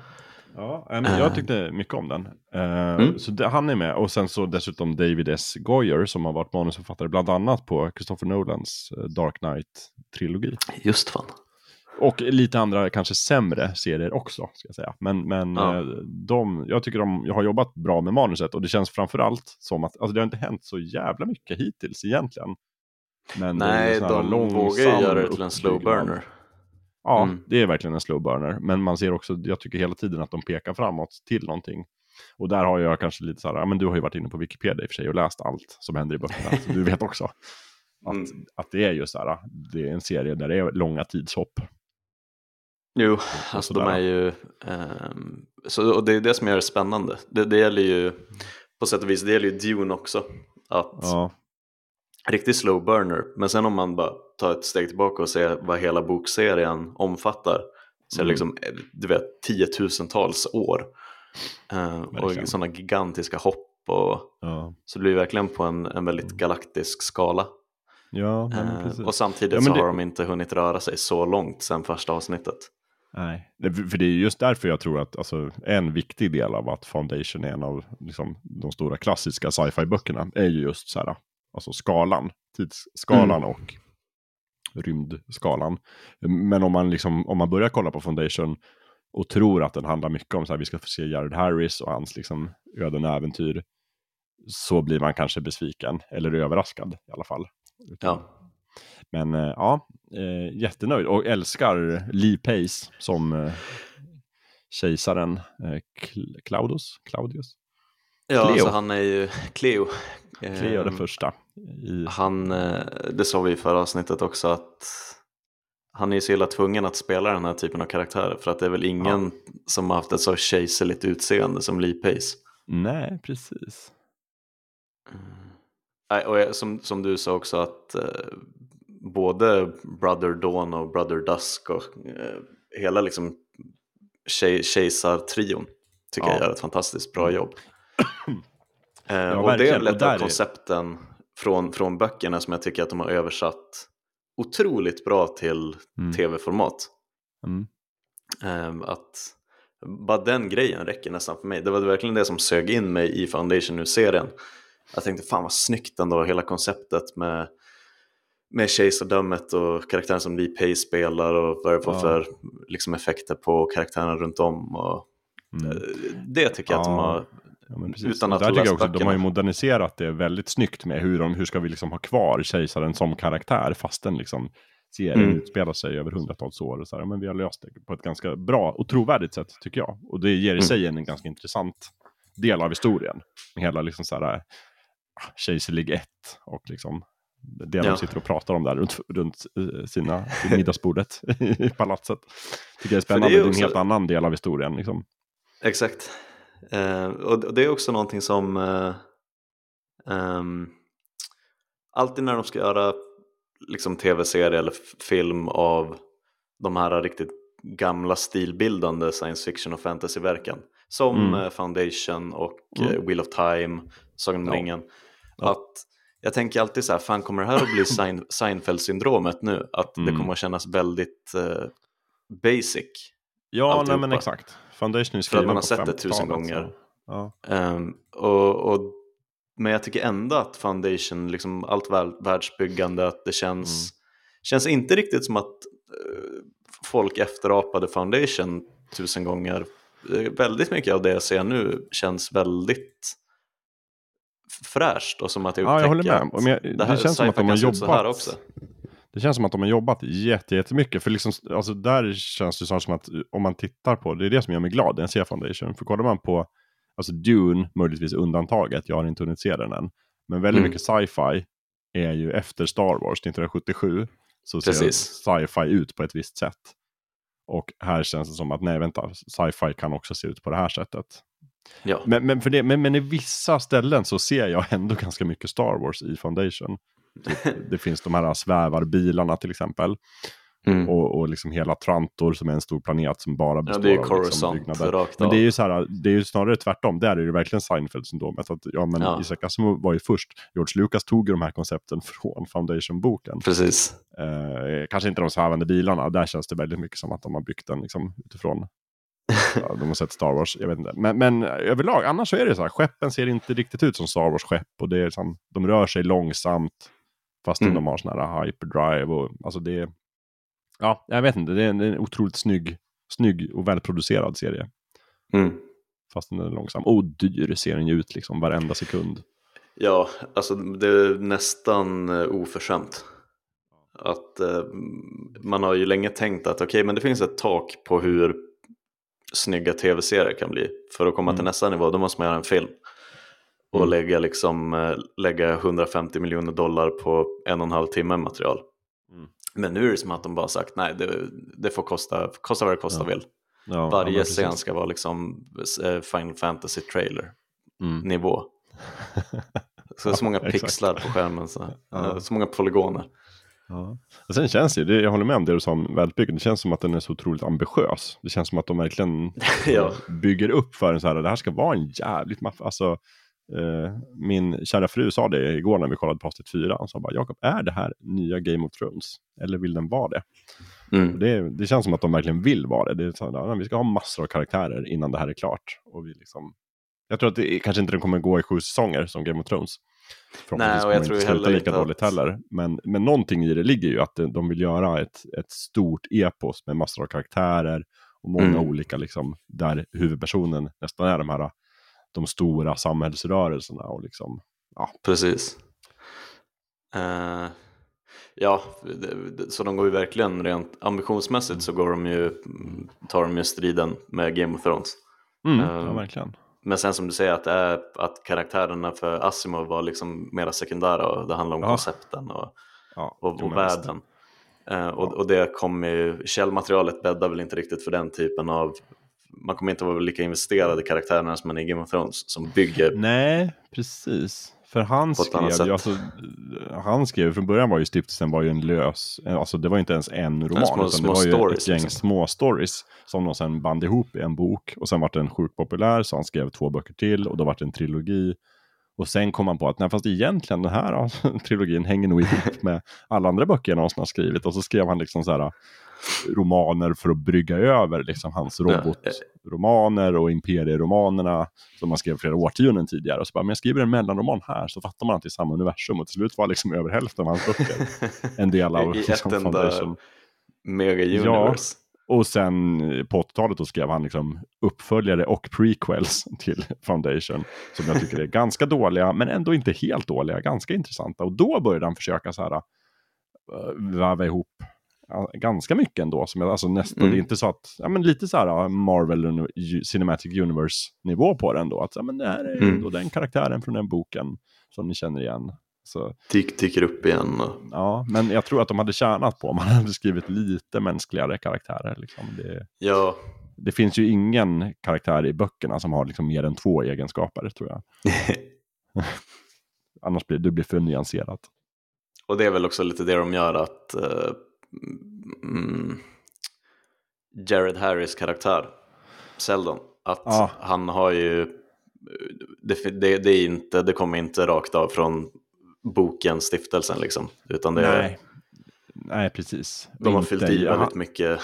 Ja, och där var det ju, han skrev ju den första stiftelseboken så är han ju också väldigt så här platt. Han är liksom egentligen en matematiker som har liksom lanserat hela den här ekvationen för att förutsäga framtiden. Men Mm. i de här prequel-böckerna han skrev, där är det ju ganska mycket Harry Seldon ändå. Fast, alltså, ja, då, då, då Det står han väl och han- håller liksom föredrag. Och, Ja, men han- precis. Man får reda på hur gick det till. egentligen till när han, när han liksom täckte det. Och, så där. Så det, och det känns som att de har plockat ändå de liksom bra bitarna från alla böckerna och sen lagt på ganska mycket Mm. eh, script doctors och eh, skapat. Ja, men jag tycker faktiskt att det är intressanta karaktärer. Det är bra. Och jag gillar Mm. hur den rör sig liksom från så här, Ja, ena änden av galaxen till det andra. Och så liksom, nu ska vi se vad som händer där ute i utkanten. Och då är det mycket så här nere på marken och så här, oj oj oj. Det är lite Star lite Tatooine liksom. Mm. Nu ska vi undersöka de här kraftfälten så att de fungerar och oj oj oj. Och sen bara tillbaka till Trantor, kolla vad de pratar om i kejserliga palatset. Och, ja. Mm. Skala, jag gillar det. Skala, skala, skala. Mm. Det ska bli Ehm, spännande att se var, vart de kommer. Tyvärr lär det väl bli en sån här serie som man får vänta i två år på, liksom säsong två. ja, det är väl det. En långsam Eh. in the making. Men återigen, det är ju skönt. eh, Och det är ju liksom... ehm, det är ju på, på, på sina sätt, säger stiftelsen, hård sci-fi. Ehm, Mm. Men det är ju också väldigt mycket fantasy sci-fi. Var de lägger liksom... eh, alltså det, det känns ja, ju... ja, absolut. Ja. Det känns ju Sagan om ringen möter Mm. hård, hård sci-fi Asimov. Ehm, Mm. Att det är ett magnum epos på det sättet. Ehm, för det jag tänkte komma Ja, till var att precis. ehm, sista säsongen av The Expanse kommer ju nu i december. Japp. 10 december. Mm. Ehm, Ser fram emot det. och när vi pratade om Expanse i fullkultur tidigare så sa vi ju Fan jag undrar vad som kommer att fylla luckan nu när Expanse försvinner. Mm. Eh, med riktigt sån eh, ri- riktigt hård sci-fi. Mm. Med, eh, och, och det är väl inte riktigt eh, Expanse och eh, Foundation fyller väl liksom inte samma nisch riktigt helt och fullt. Nej, precis. Det, det går säkert att göra någon sorts vändiagram över liksom sci-fi-serier på tv just nu. Och de har inte Mm. riktigt samma, men de överlappar liksom i viss mån. Precis. Men, eh, ja, nej, precis. För det, The Expanse är ju egentligen mera så här. Alltså, i The Foundation, de är ju inte intresserade av hur rymdskeppet fungerar egentligen. Nej, nej. Utan de, de är intresserade av vart rymdskeppet ska och vad människorna som är ombord på det gör. Ja, Bara där är det så här, om man ska vara rent strikt så här, hård sci-fi ska ju egentligen inte bry sig om karaktärerna så mycket. Utan det ska ju handla om så här, varför hur funkar den här tekniken reaktorn? fungerar. Ja, precis. Exakt. Ehm, och, eller i, i stiftelsens fall då ska det ju handla mer om så här, hur alltså imperier, hur faller och, och lever imperier och så där. Det var mycket det som var hans intresse. Han baserade den väldigt mycket på romarriket. Ja, den eh, Gibbons, Rise and Fall Japp. of the Roman. Eh, exakt. Ja, han bara, det här skulle vi kunna göra i rymden. Precis. Mm. Och det gjorde han, Ja, det gjorde han. den, den galningen. Ja, Medan The Expanse känns ju mycket mer så här som att ja, men vi ska få det att vara trovärdigt och det ska vara så här, så här även lite påhittat såklart, men så här skulle det kunna vara i framtiden om man kan färdas Mm. liksom, i solsystemet som man färdas på jorden idag. Mera. Ja. Ja. Ehm, Så att, och- ja, jag, vet inte vad, jag vet inte vad som ska fylla The Expanse-tomrummet. Nej, någonting kommer ju att komma, eh, Säkert, säkert. tror jag. Mm. Nu när det faktiskt blev 5 sex säsonger. Ja, varför inte? Några år framåt i tiden, men ändå. Mm. Eh, annars är det väl Ja. lite så... ehm, är det några självklara som vi inte har nämnt som, som finns ute nu? Som vi har kollat på eller ska Eh, kolla på? Ja, men jag tänkte på The White Lotus, kanske. Har du hunnit Ja. se den? Ja, Nej, HBO jag har också. inte... Inte? eh, den kategoriserar jag under eh, serier som folk har hypat för mycket. Jaha, så jag kommer att skita i att Mm. kolla på det ett tag. Jag fattar. Ja, men jag, om vi ska placera den i en kategori så är det i alla fall här, liksom, ej komedi. Eh, Drama, fast ja. den är också en komedi. Den är fan rolig. Jag, jag skulle ändå rekommendera att du ser den, Gustav. Men det ska jag. Jag måste du lär bara... göra det så småningom, men ja. Nej, Ja. Kort och väldigt bra miniserie. Mm. HBO-standard, liksom. Det är ju eh, Stiflers mom, om inte annat. Hon är ju Ja. fantastisk i allt hon gör. Exakt. Vad är hon Ja, heter? Con, eh, eh, Connie Britton, är det hon som är Stiflers mom? Ja, ja. Nej, det är det inte. Ja. Gud, Stiflers mom, vad heter hon? Skåd, Vi skådespelaren. kollar nu. Jag vet precis vem du menar. Ja, Conny Mm. Britton. Det är så? Då hade jag ju rätt. Varför backar jag när jag... När Jag vet inte, du måste lita på ditt jag hjärta. ett, ett oseriöst intryck här. Ja, Jo, nej, men eh, jag vet inte varför den hamnade i, i det facket. Ehm, som du Ja, känner, men vi hypade den där. ganska mycket i gamla Geeks eh, Slack-kanalen. Ja, jag tror det var Jag har varit också nästan så här, det är nästan Jockes fel. Jag Ja. varit också lite så här, bara, nu är den nästan för hypad. Men sen började vi kolla på den och sen insåg jag, jävlar, vad, ja, det här är, det är HBO-kvalitet. Mm. Ja, men då ska jag. Eh, Jag tror du kommer Verkligen. uppskatta den stort. Mm. Mm. Och bara eh, snabb pitchen är att eh, det är ett lyx, lyxhotell någonstans i På typ Hawaii. Karibien eller Hawaii. Hawaii, precis. Och karaktärerna på, den, på det hotellet. Ja, de är där om det är en med vecka eller och- någonting. ja. Ja, och lite, framförallt är det liksom krock mellan personalen och gästerna. Mm. Och lite sådär. Men det är alltså sex bra avsnitt. Och också lite så här. Eh, jag tycker ni gör ett bra jobb och liksom, alltså så här, sj- sjukt realistisk karaktärsporträtt på ett sätt. Man börjar med att Mm. bara tänka så här, åh vilken vidrig människa, och den här är vidrig människa. Och sen börjar man fatta, okej, men jag fattar varför den är vidrig och hur det går till och liksom, jag vet inte. Den är bara Tre, bra. tredimensionella karaktärer, Mm. det gillar vi. Mm, verkligen, det gillar vi, det är det nya. Mm. På tal om kanske tredimensionella karaktärer, jag vill bara säga, slänga in här då, en gammal klassiker som jag nu har börjat kolla på. Det som jag sa, Ja. i, ibland så orkar man inte riktigt kolla på något krävande. Och då har vi börjat kolla på Modern Family på Netflix. Ah, för, för 84 gången. Nej, för första gången. Jag har aldrig sett För det tidigare. första gången, Helt okej. ny. Det här varit en sån här, jag, bara, jag har alltid avfärdat det, för jag trodde att den var mera så här som ett, ah, inte så Lite rolig pajig och väldigt så här, lite pajig och lite mer som Two and a half men som jag liksom inte Mm. riktigt klarar av. Men eh, fan, den är väldigt trevlig och mysig och rolig och eh, absolut vad jag vill se. Flera ja, gånger i veckan. gud. Så att varje, varje tv-kväll avslutas med några avsnitt eh, Modern Family. Jag tycker den är suverän. Och lite kär såklart i Julie Bowen som är fantastisk tycker jag. I, Mm. liksom, så otroligt klippt och skuren för den rollen som så här soccer mom. Liksom. Så sub- eller hur, Suburban Soccer Mom.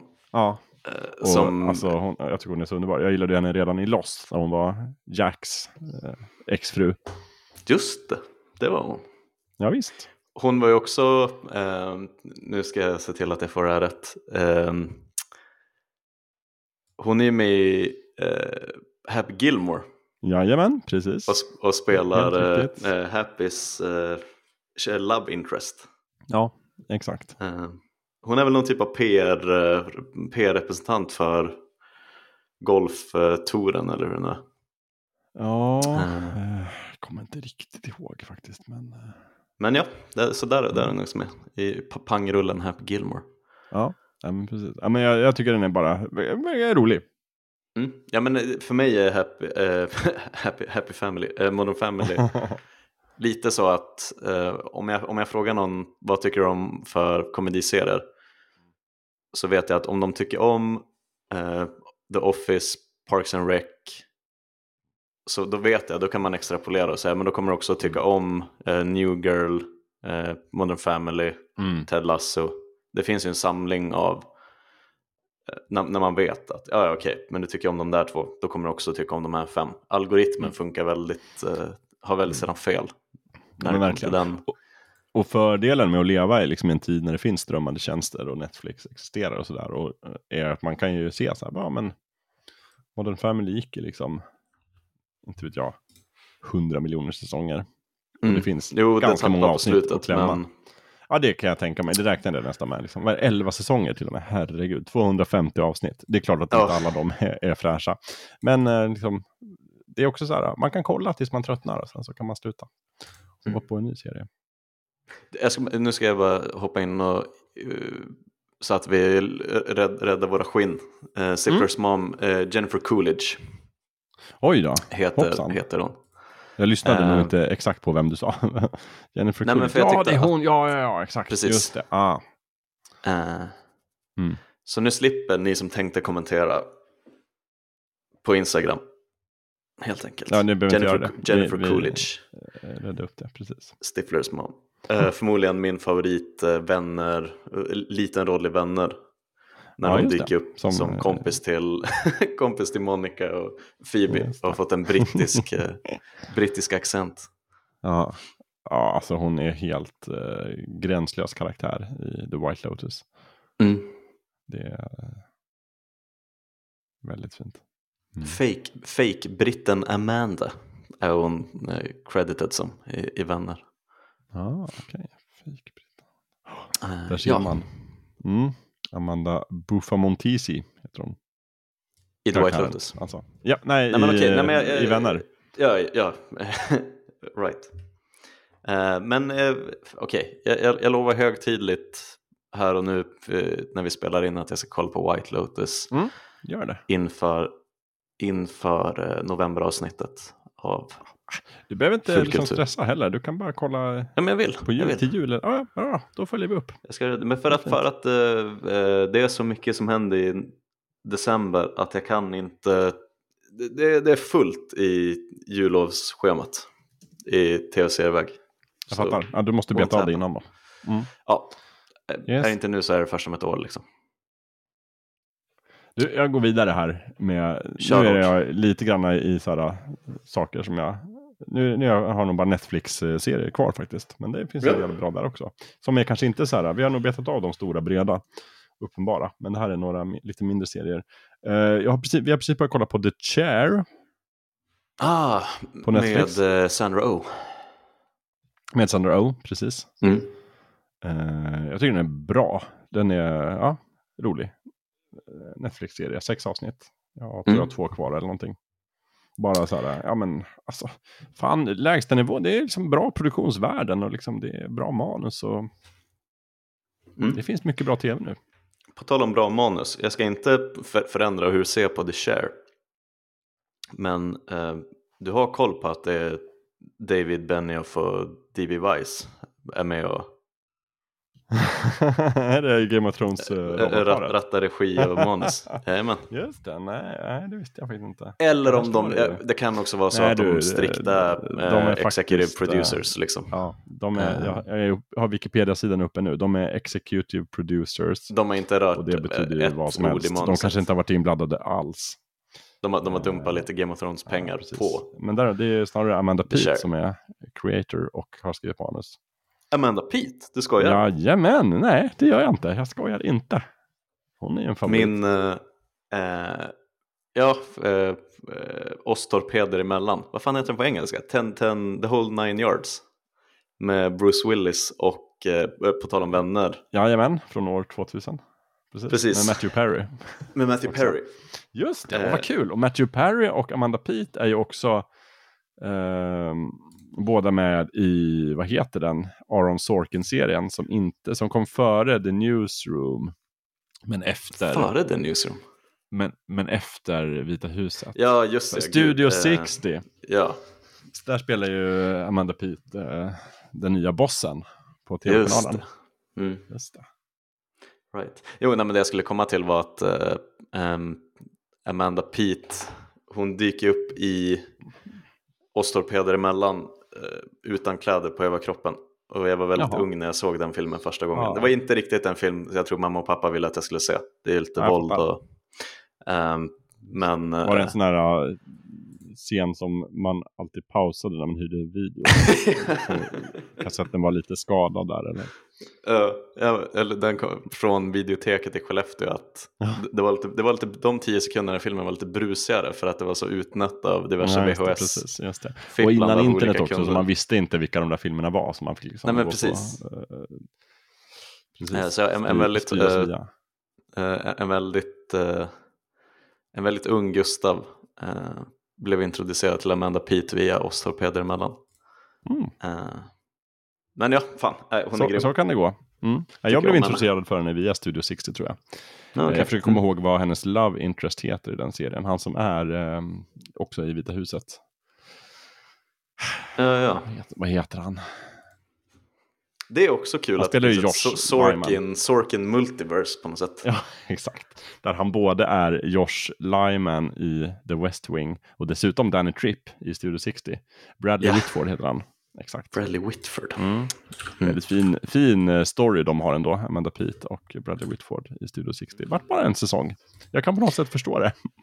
Det brukar bli så när ehm, Aaron Sorkin gör tv av någon anledning. Ja. Det, det blir en eller två.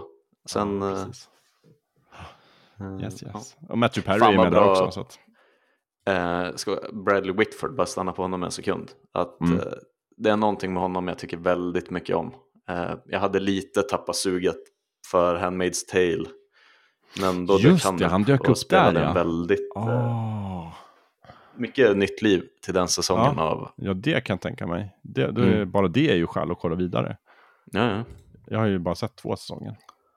ja, ja. Mm. Just det. Han är också bra i eh, Billy Madison-filmen. ja. där är han. Och nu, eh, för att loopa tillbaka till... eh, Vart var vi? nej, jag tappade. Jag tappade. The Chair var vi faktiskt. Ja. The Om vi ska Chair. gå tillbaka ända dit. The, The Chair, Mm. eh, manus då och exekutiv producerad av Amanda Peet. Ja. Och Game of Thrones-killarna har förmodligen knappt varit inblandade. Billy Madison, jag sa vi loopar tillbaka till eh, Adam Sandler. Vi snackade om mm. Happy just det. Gilmore tidigare. Gud, vi har Precis. så många segways och för liksom... Där Julie Bowen var med. Allt hänger ihop. Ja, exakt. Mm. The Share alltså. Eh, Ja. Men den behöver jag inte boka in innan jullovet kanske. Nej, nej, nej, absolut inte. Ta den vid tillfälle när du har lite tråkigt. Jag tycker man Ja. är rolig. Man ska väl också, jag tror kanske mycket så här. eh, det- man ska ju gilla, liksom, vem, vem gör inte det i och för sig, serier som utspelar sig på universitet. Mm. Och Liksom, det ska vara lite så här skojigt att gamla liksom, avdankade akademiker går omkring där och liksom, politiken på institutionen. Men som sagt, vem uppskattar inte sånt? nej, nej, nej, bara eh, eh, folk som har hamnat på sniskan.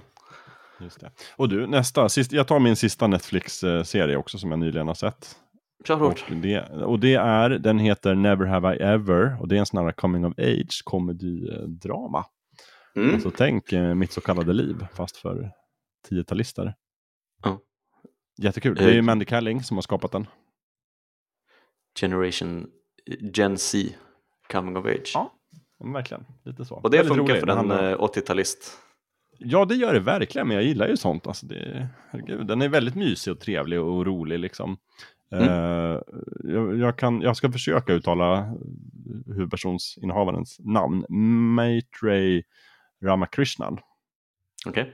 Hon spelar alltså de, eh, en eh, indisk immigrant som bor i Kalifornien och går Ja. på high school.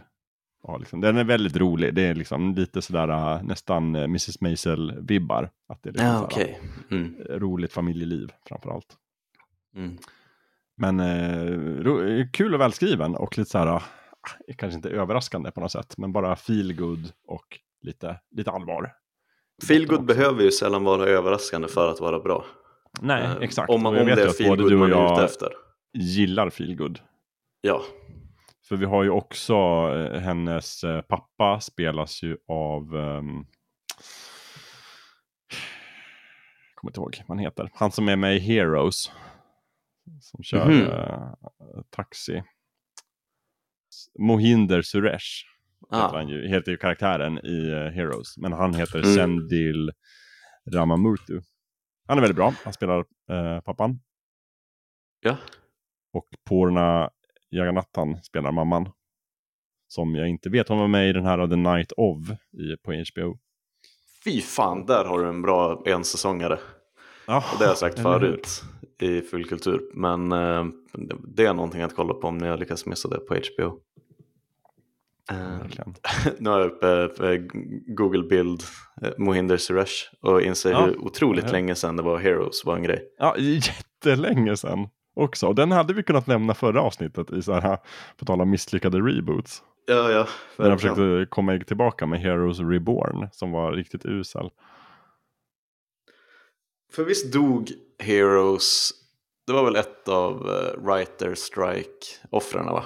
Ja, det var det. Alltså säsong 1 och 2 var ju rätt starka och sen kom den här writer strike tror jag och då var säsong 3 var typ uppdelad så det var halva säsong 3 och sen kom den som typ säsong 4. Mm. Det var bara helt... Tänk vad som mm. hade kunnat bli för att Heroes när det kom var ju eh, den nästa Lost. Och alla var helt så här, ja. Åh, har du sett det senaste avsnittet ja, av Heroes? Men alltså första säsongen var så jävla bra tycker jag. I, mm. Och det var ju också lite innan, idag har man kanske liksom inte, kan inte riktigt uppskatta det här med att ha en, en superhjälteserie så primetime. Liksom i, I dessa tider av Loki och allt i Marvel. Men uh, det var ju verkligen ganska unik då. Mm. Och den hade lite den, um, um, vad hette den, den filmen som kom som inte riktigt blev så bra som folk hoppades på? Där yeah. ett gäng ungdomar fick uh, övernaturliga förmågor. Och... X-Men? hade kunnat vara. Um, gud, vad, vad, vad, tänker jag på nu? Uh, någon som lyssnar kommer att veta. Men att ja, Heroes var ju inte, det, det var ju aldrig en CGI-fest liksom. Nej, det var det inte. Det var ju ändå det hyfsat mycket. så sparsmakat och subtilt. Mm. Um, och flashade inte liksom stora sådana mm, du vet, partikeleffekter och explosioner. Och... Nej, precis. Och samtidigt kom den så, det var sent liksom att det ändå fanns mm. CGI tillgänglig så man kunde göra lite effekter. Och liksom. Precis. Mm. Ja, nej, oh, Heroes, ja, det var länge sedan. borde se vem vet. Ja, det var det. Det var egentligen det jag hade att titta på. Mm. Lite förhoppningar också, det som komma skall. Har du något mer? Ja, precis. Jag tänkte att var, jag, jag skannar nu och ser ifall det är någonting att kolla på som jag måste slänga in en kommentar om innan vi går in på uh, de kommande månaderna. Mm. Det är väl, ja, alltså uh, Lupin pratat vi om tidigare Just. ett par gånger. Har du sett den? Ja. Um, och uh, det är ju bara att uh, sätta sig ner och kolla på det. Att, uh, om, om, om det räcker med att man får höra att det är liksom lite Oceans Eleven heist stuk på det. Mm. Um, och då, det, det räcker för att köra liksom. Och man har inte problem med fransk tv. Mm. Så är det riktigt, riktigt mysigt. Och, eh, och Marcy är ju jättebra i huvudrollen. Ja. Um, så uh, även där, där, där räcker det nästan med att uh, om man såg um, en oväntad vänskap och blev lite kär i honom så kan man gott uh, se Lupin utan att veta vad, vad den handlar om. Oh, det räcker med att han, han är huvudrollen i den Precis. serien också. Ja. Um, ja, men det är snyggt, det är liksom uh, stilfullt, lagom smart. Um, ja, och får ju flera extra poäng bara av att det är liksom på franska, tycker jag. Ja, ja men äh, återigen att det, det, är så svårt att veta ifall skådespeleriet är hur bra det är när det är på ett mm. annat språk. Och fransmännen kommer ju verkligen undan med det. Eh, att man, det bara, man bara utgår ifrån att allting är trovärdigt. Ja, eh, förmodligen en, en briljant skådespelare. Um, så ja, eh, Lupin. Och det är väl Netflix det är Netflix, det stämmer. Så det är väl värt att investera i en sån prenumeration också om man inte har det. Ja. Um, annars så sitter jag och kollar. Förra avsnittet så hade vi ju Lövet som hypade Midnight Mass. Mm. Uh, han är ju verkligen inne på Netflix uh, skräck, uh, ja. skräcksida och kollar på allting. Mm. De har ju snart... systematiskt igenom hela Netflix. Precis, Haunting of bla bla bla, Haunting of bla bla bla. Um, men det är tur. Det är lite, jag minns när jag, när jag jobbade på FZ så hade vi ett återkommande problem att ingen på redaktionen spelade speciellt mycket japanska spel. Oavsett om det Nej, var Nintendo det. eller liksom mm. Square Enix. Um, mm. Och lite känner jag väl att det är väl Lövet som, som räddar oss på skräckfronten i fulkultur just nu. ja, vi är väl inte jättestora på den genren du och jag. Nej, det kan man inte säga. Jag menar, jag, eh, vi, vi spelar igenom många Nintendo-spel men inte liksom jag håller mig mycket mm. till Mario, Zelda, Metroid. Precis. Så det, det tackar vi Lövet för. Mm. Han är inte här ikväll men det tackar tack, honom. Tack Lövet. Um, nej, men annars så känner jag mig lite mogen för att avrunda avsnittet med att blicka framåt. Ja, men ska vi ta några snabba då, liksom, grejer som, som, som händer? Eller Ja. alternativ saker som står på ens lista då som man kanske inte hunnit med. Mm. Jag tror att lite, lite har jag nog täckt. Det, det är om du Ja, kommer med några det. oväntade Nej, jag tror inte det egentligen. Inga överraskningar kvar. som jag jag glömt, jag har, listan. det enda jag har glömt att säga är väl What We Do In The Shadows som jag kollar på. jag Ah, rekommendera. right. Ja, Den tänker jag också, den har kommit upp ganska mycket i tidigare avsnitt. I alla Mm. fall när Amanda är med. Det jag kommer, är- vi kommer återkomma till What We Do In Shadows. Eh, kommer vi göra. Eh, men ja, men om vi blickar framåt, är det något som tant du vill hu- hugga direkt? Eh, om, eh, när vi spelar in det här så är det fyra dagar kvar då till Succession säsong 3 kommer. Så jag bara tar den. Åh, vi har, gud, den är på söndag. det. Japp, det ska bli kul. Mm. Det ska bli otroligt kul. Eh, ja, annars är det Wheel of Time, november. Eh, jag ser fram emot. Eh, sen har jag inte så bra koll faktiskt på vad som, som kommer sen. Okej, men uh, allow me to lägga till lite på listan. Yes, gör det. En, en som vi nämnde tidigare bara i förbifarten är The, The Book of Boba Fett. Ja, ja, just det. ehm, Kommer i december. Kom i december. Ehm, och det kommer ju att bli bra. ehm, Mm. Tror jag. Även, även om det bara blir helt okej så blir det helt okej bra. Och jag tror väl att det, folk var ju lite förvirrade där i slutet av Mandalorian säsong 2 att ah, okej, eh, vi kommer först att få Book of Boba Fett ganska snart. Sen kommer Mandalorian säsong 3 först 2022 någon gång. Ehm, så jag, och jag tror att den fortfarande smyger lite under radarn. Eh, inte jättemånga som är helt, du vet, har det på det klara att Book of Boba Fett kommer redan i år. Det, det kommer i Ja, december. nej, precis. Nej. Ehm, men, men det gör det. Ehm, så den, den trillar in där och, och blir en uh, jullovsserie. Åtminstone de först, första två avsnitten. För sen får Mm. vi vä- vänta, det blir ett i veckan. Mm. Ehm, också där i december så kommer ju min stora, det, det jag ser fram emot, det är ju The, Witcher säsong 2 på Netflix. Just det. Fan, det är också i år. Alltså, det går, tiden går snabbt. Jag Tiden tänker går- att allt kommer liksom om ett år, alltså. men det har ju gått ett år nu, så nu kommer alla de här. Mm. Ehm, men, men det är väldigt många av de här serierna som släpptes kanske på höst-vinterkanten innan pandemin svepte över Sverige. Och så Ja. sen så var det som att vi bara snabbspolar 2020. Så det känns som att de, de liksom gjorde säsong två på en handvändning. Och den kommer ganska tätt in på första säsongen. Men det är klart, har ju, tiden har ju blivit lite komprimerad och vanställd det senaste, senaste året. Eh, men jag menar, det är fan, The Wi- The Witcher på Netflix är ju oförskämt eh, glad i första säsongen. Ja, det var jätte, Eh, jättebra. det, vilket, vilket alla inte är. Eh, men jag ser fram emot säsong två så fantastiskt mycket. Eh, så det ska bli kul. Det, det blir prio ett på jullovet att ta, ta sig an den. Eh, några andra, uh, Dopesick. Hur, hur bra kollar du på Dopesick? Ingen koll alls, vad är det? Eh, det är ju den med eh, miniserie om, eh, jag, jag tror att det är liksom eh, opiat eh, pandemin i USA, liksom eh, Mhm. prescription drugs som, som ballar ur med eh, Michael Keaton i huvudrollen. Jag ser det nu, ja, just det. Och det är inte bara han heller utan det är liksom Will Poulter, Peter Sarsgaard är med. Just det. Ehm, Ja, det här, ja, jag skriver upp det här på min lista direkt. Den ser väldigt bra ut. Mm. Spännande. Så den är på väg. Mm. Ehm, sen händer det lite grejer på Cowboy Bebop-fronten. Att originalserien, anime-serien kommer till Netflix, om inte idag så typ nästa vecka. Okej, Sen ska de göra live, de ska göra live action av Cowboy Bebop.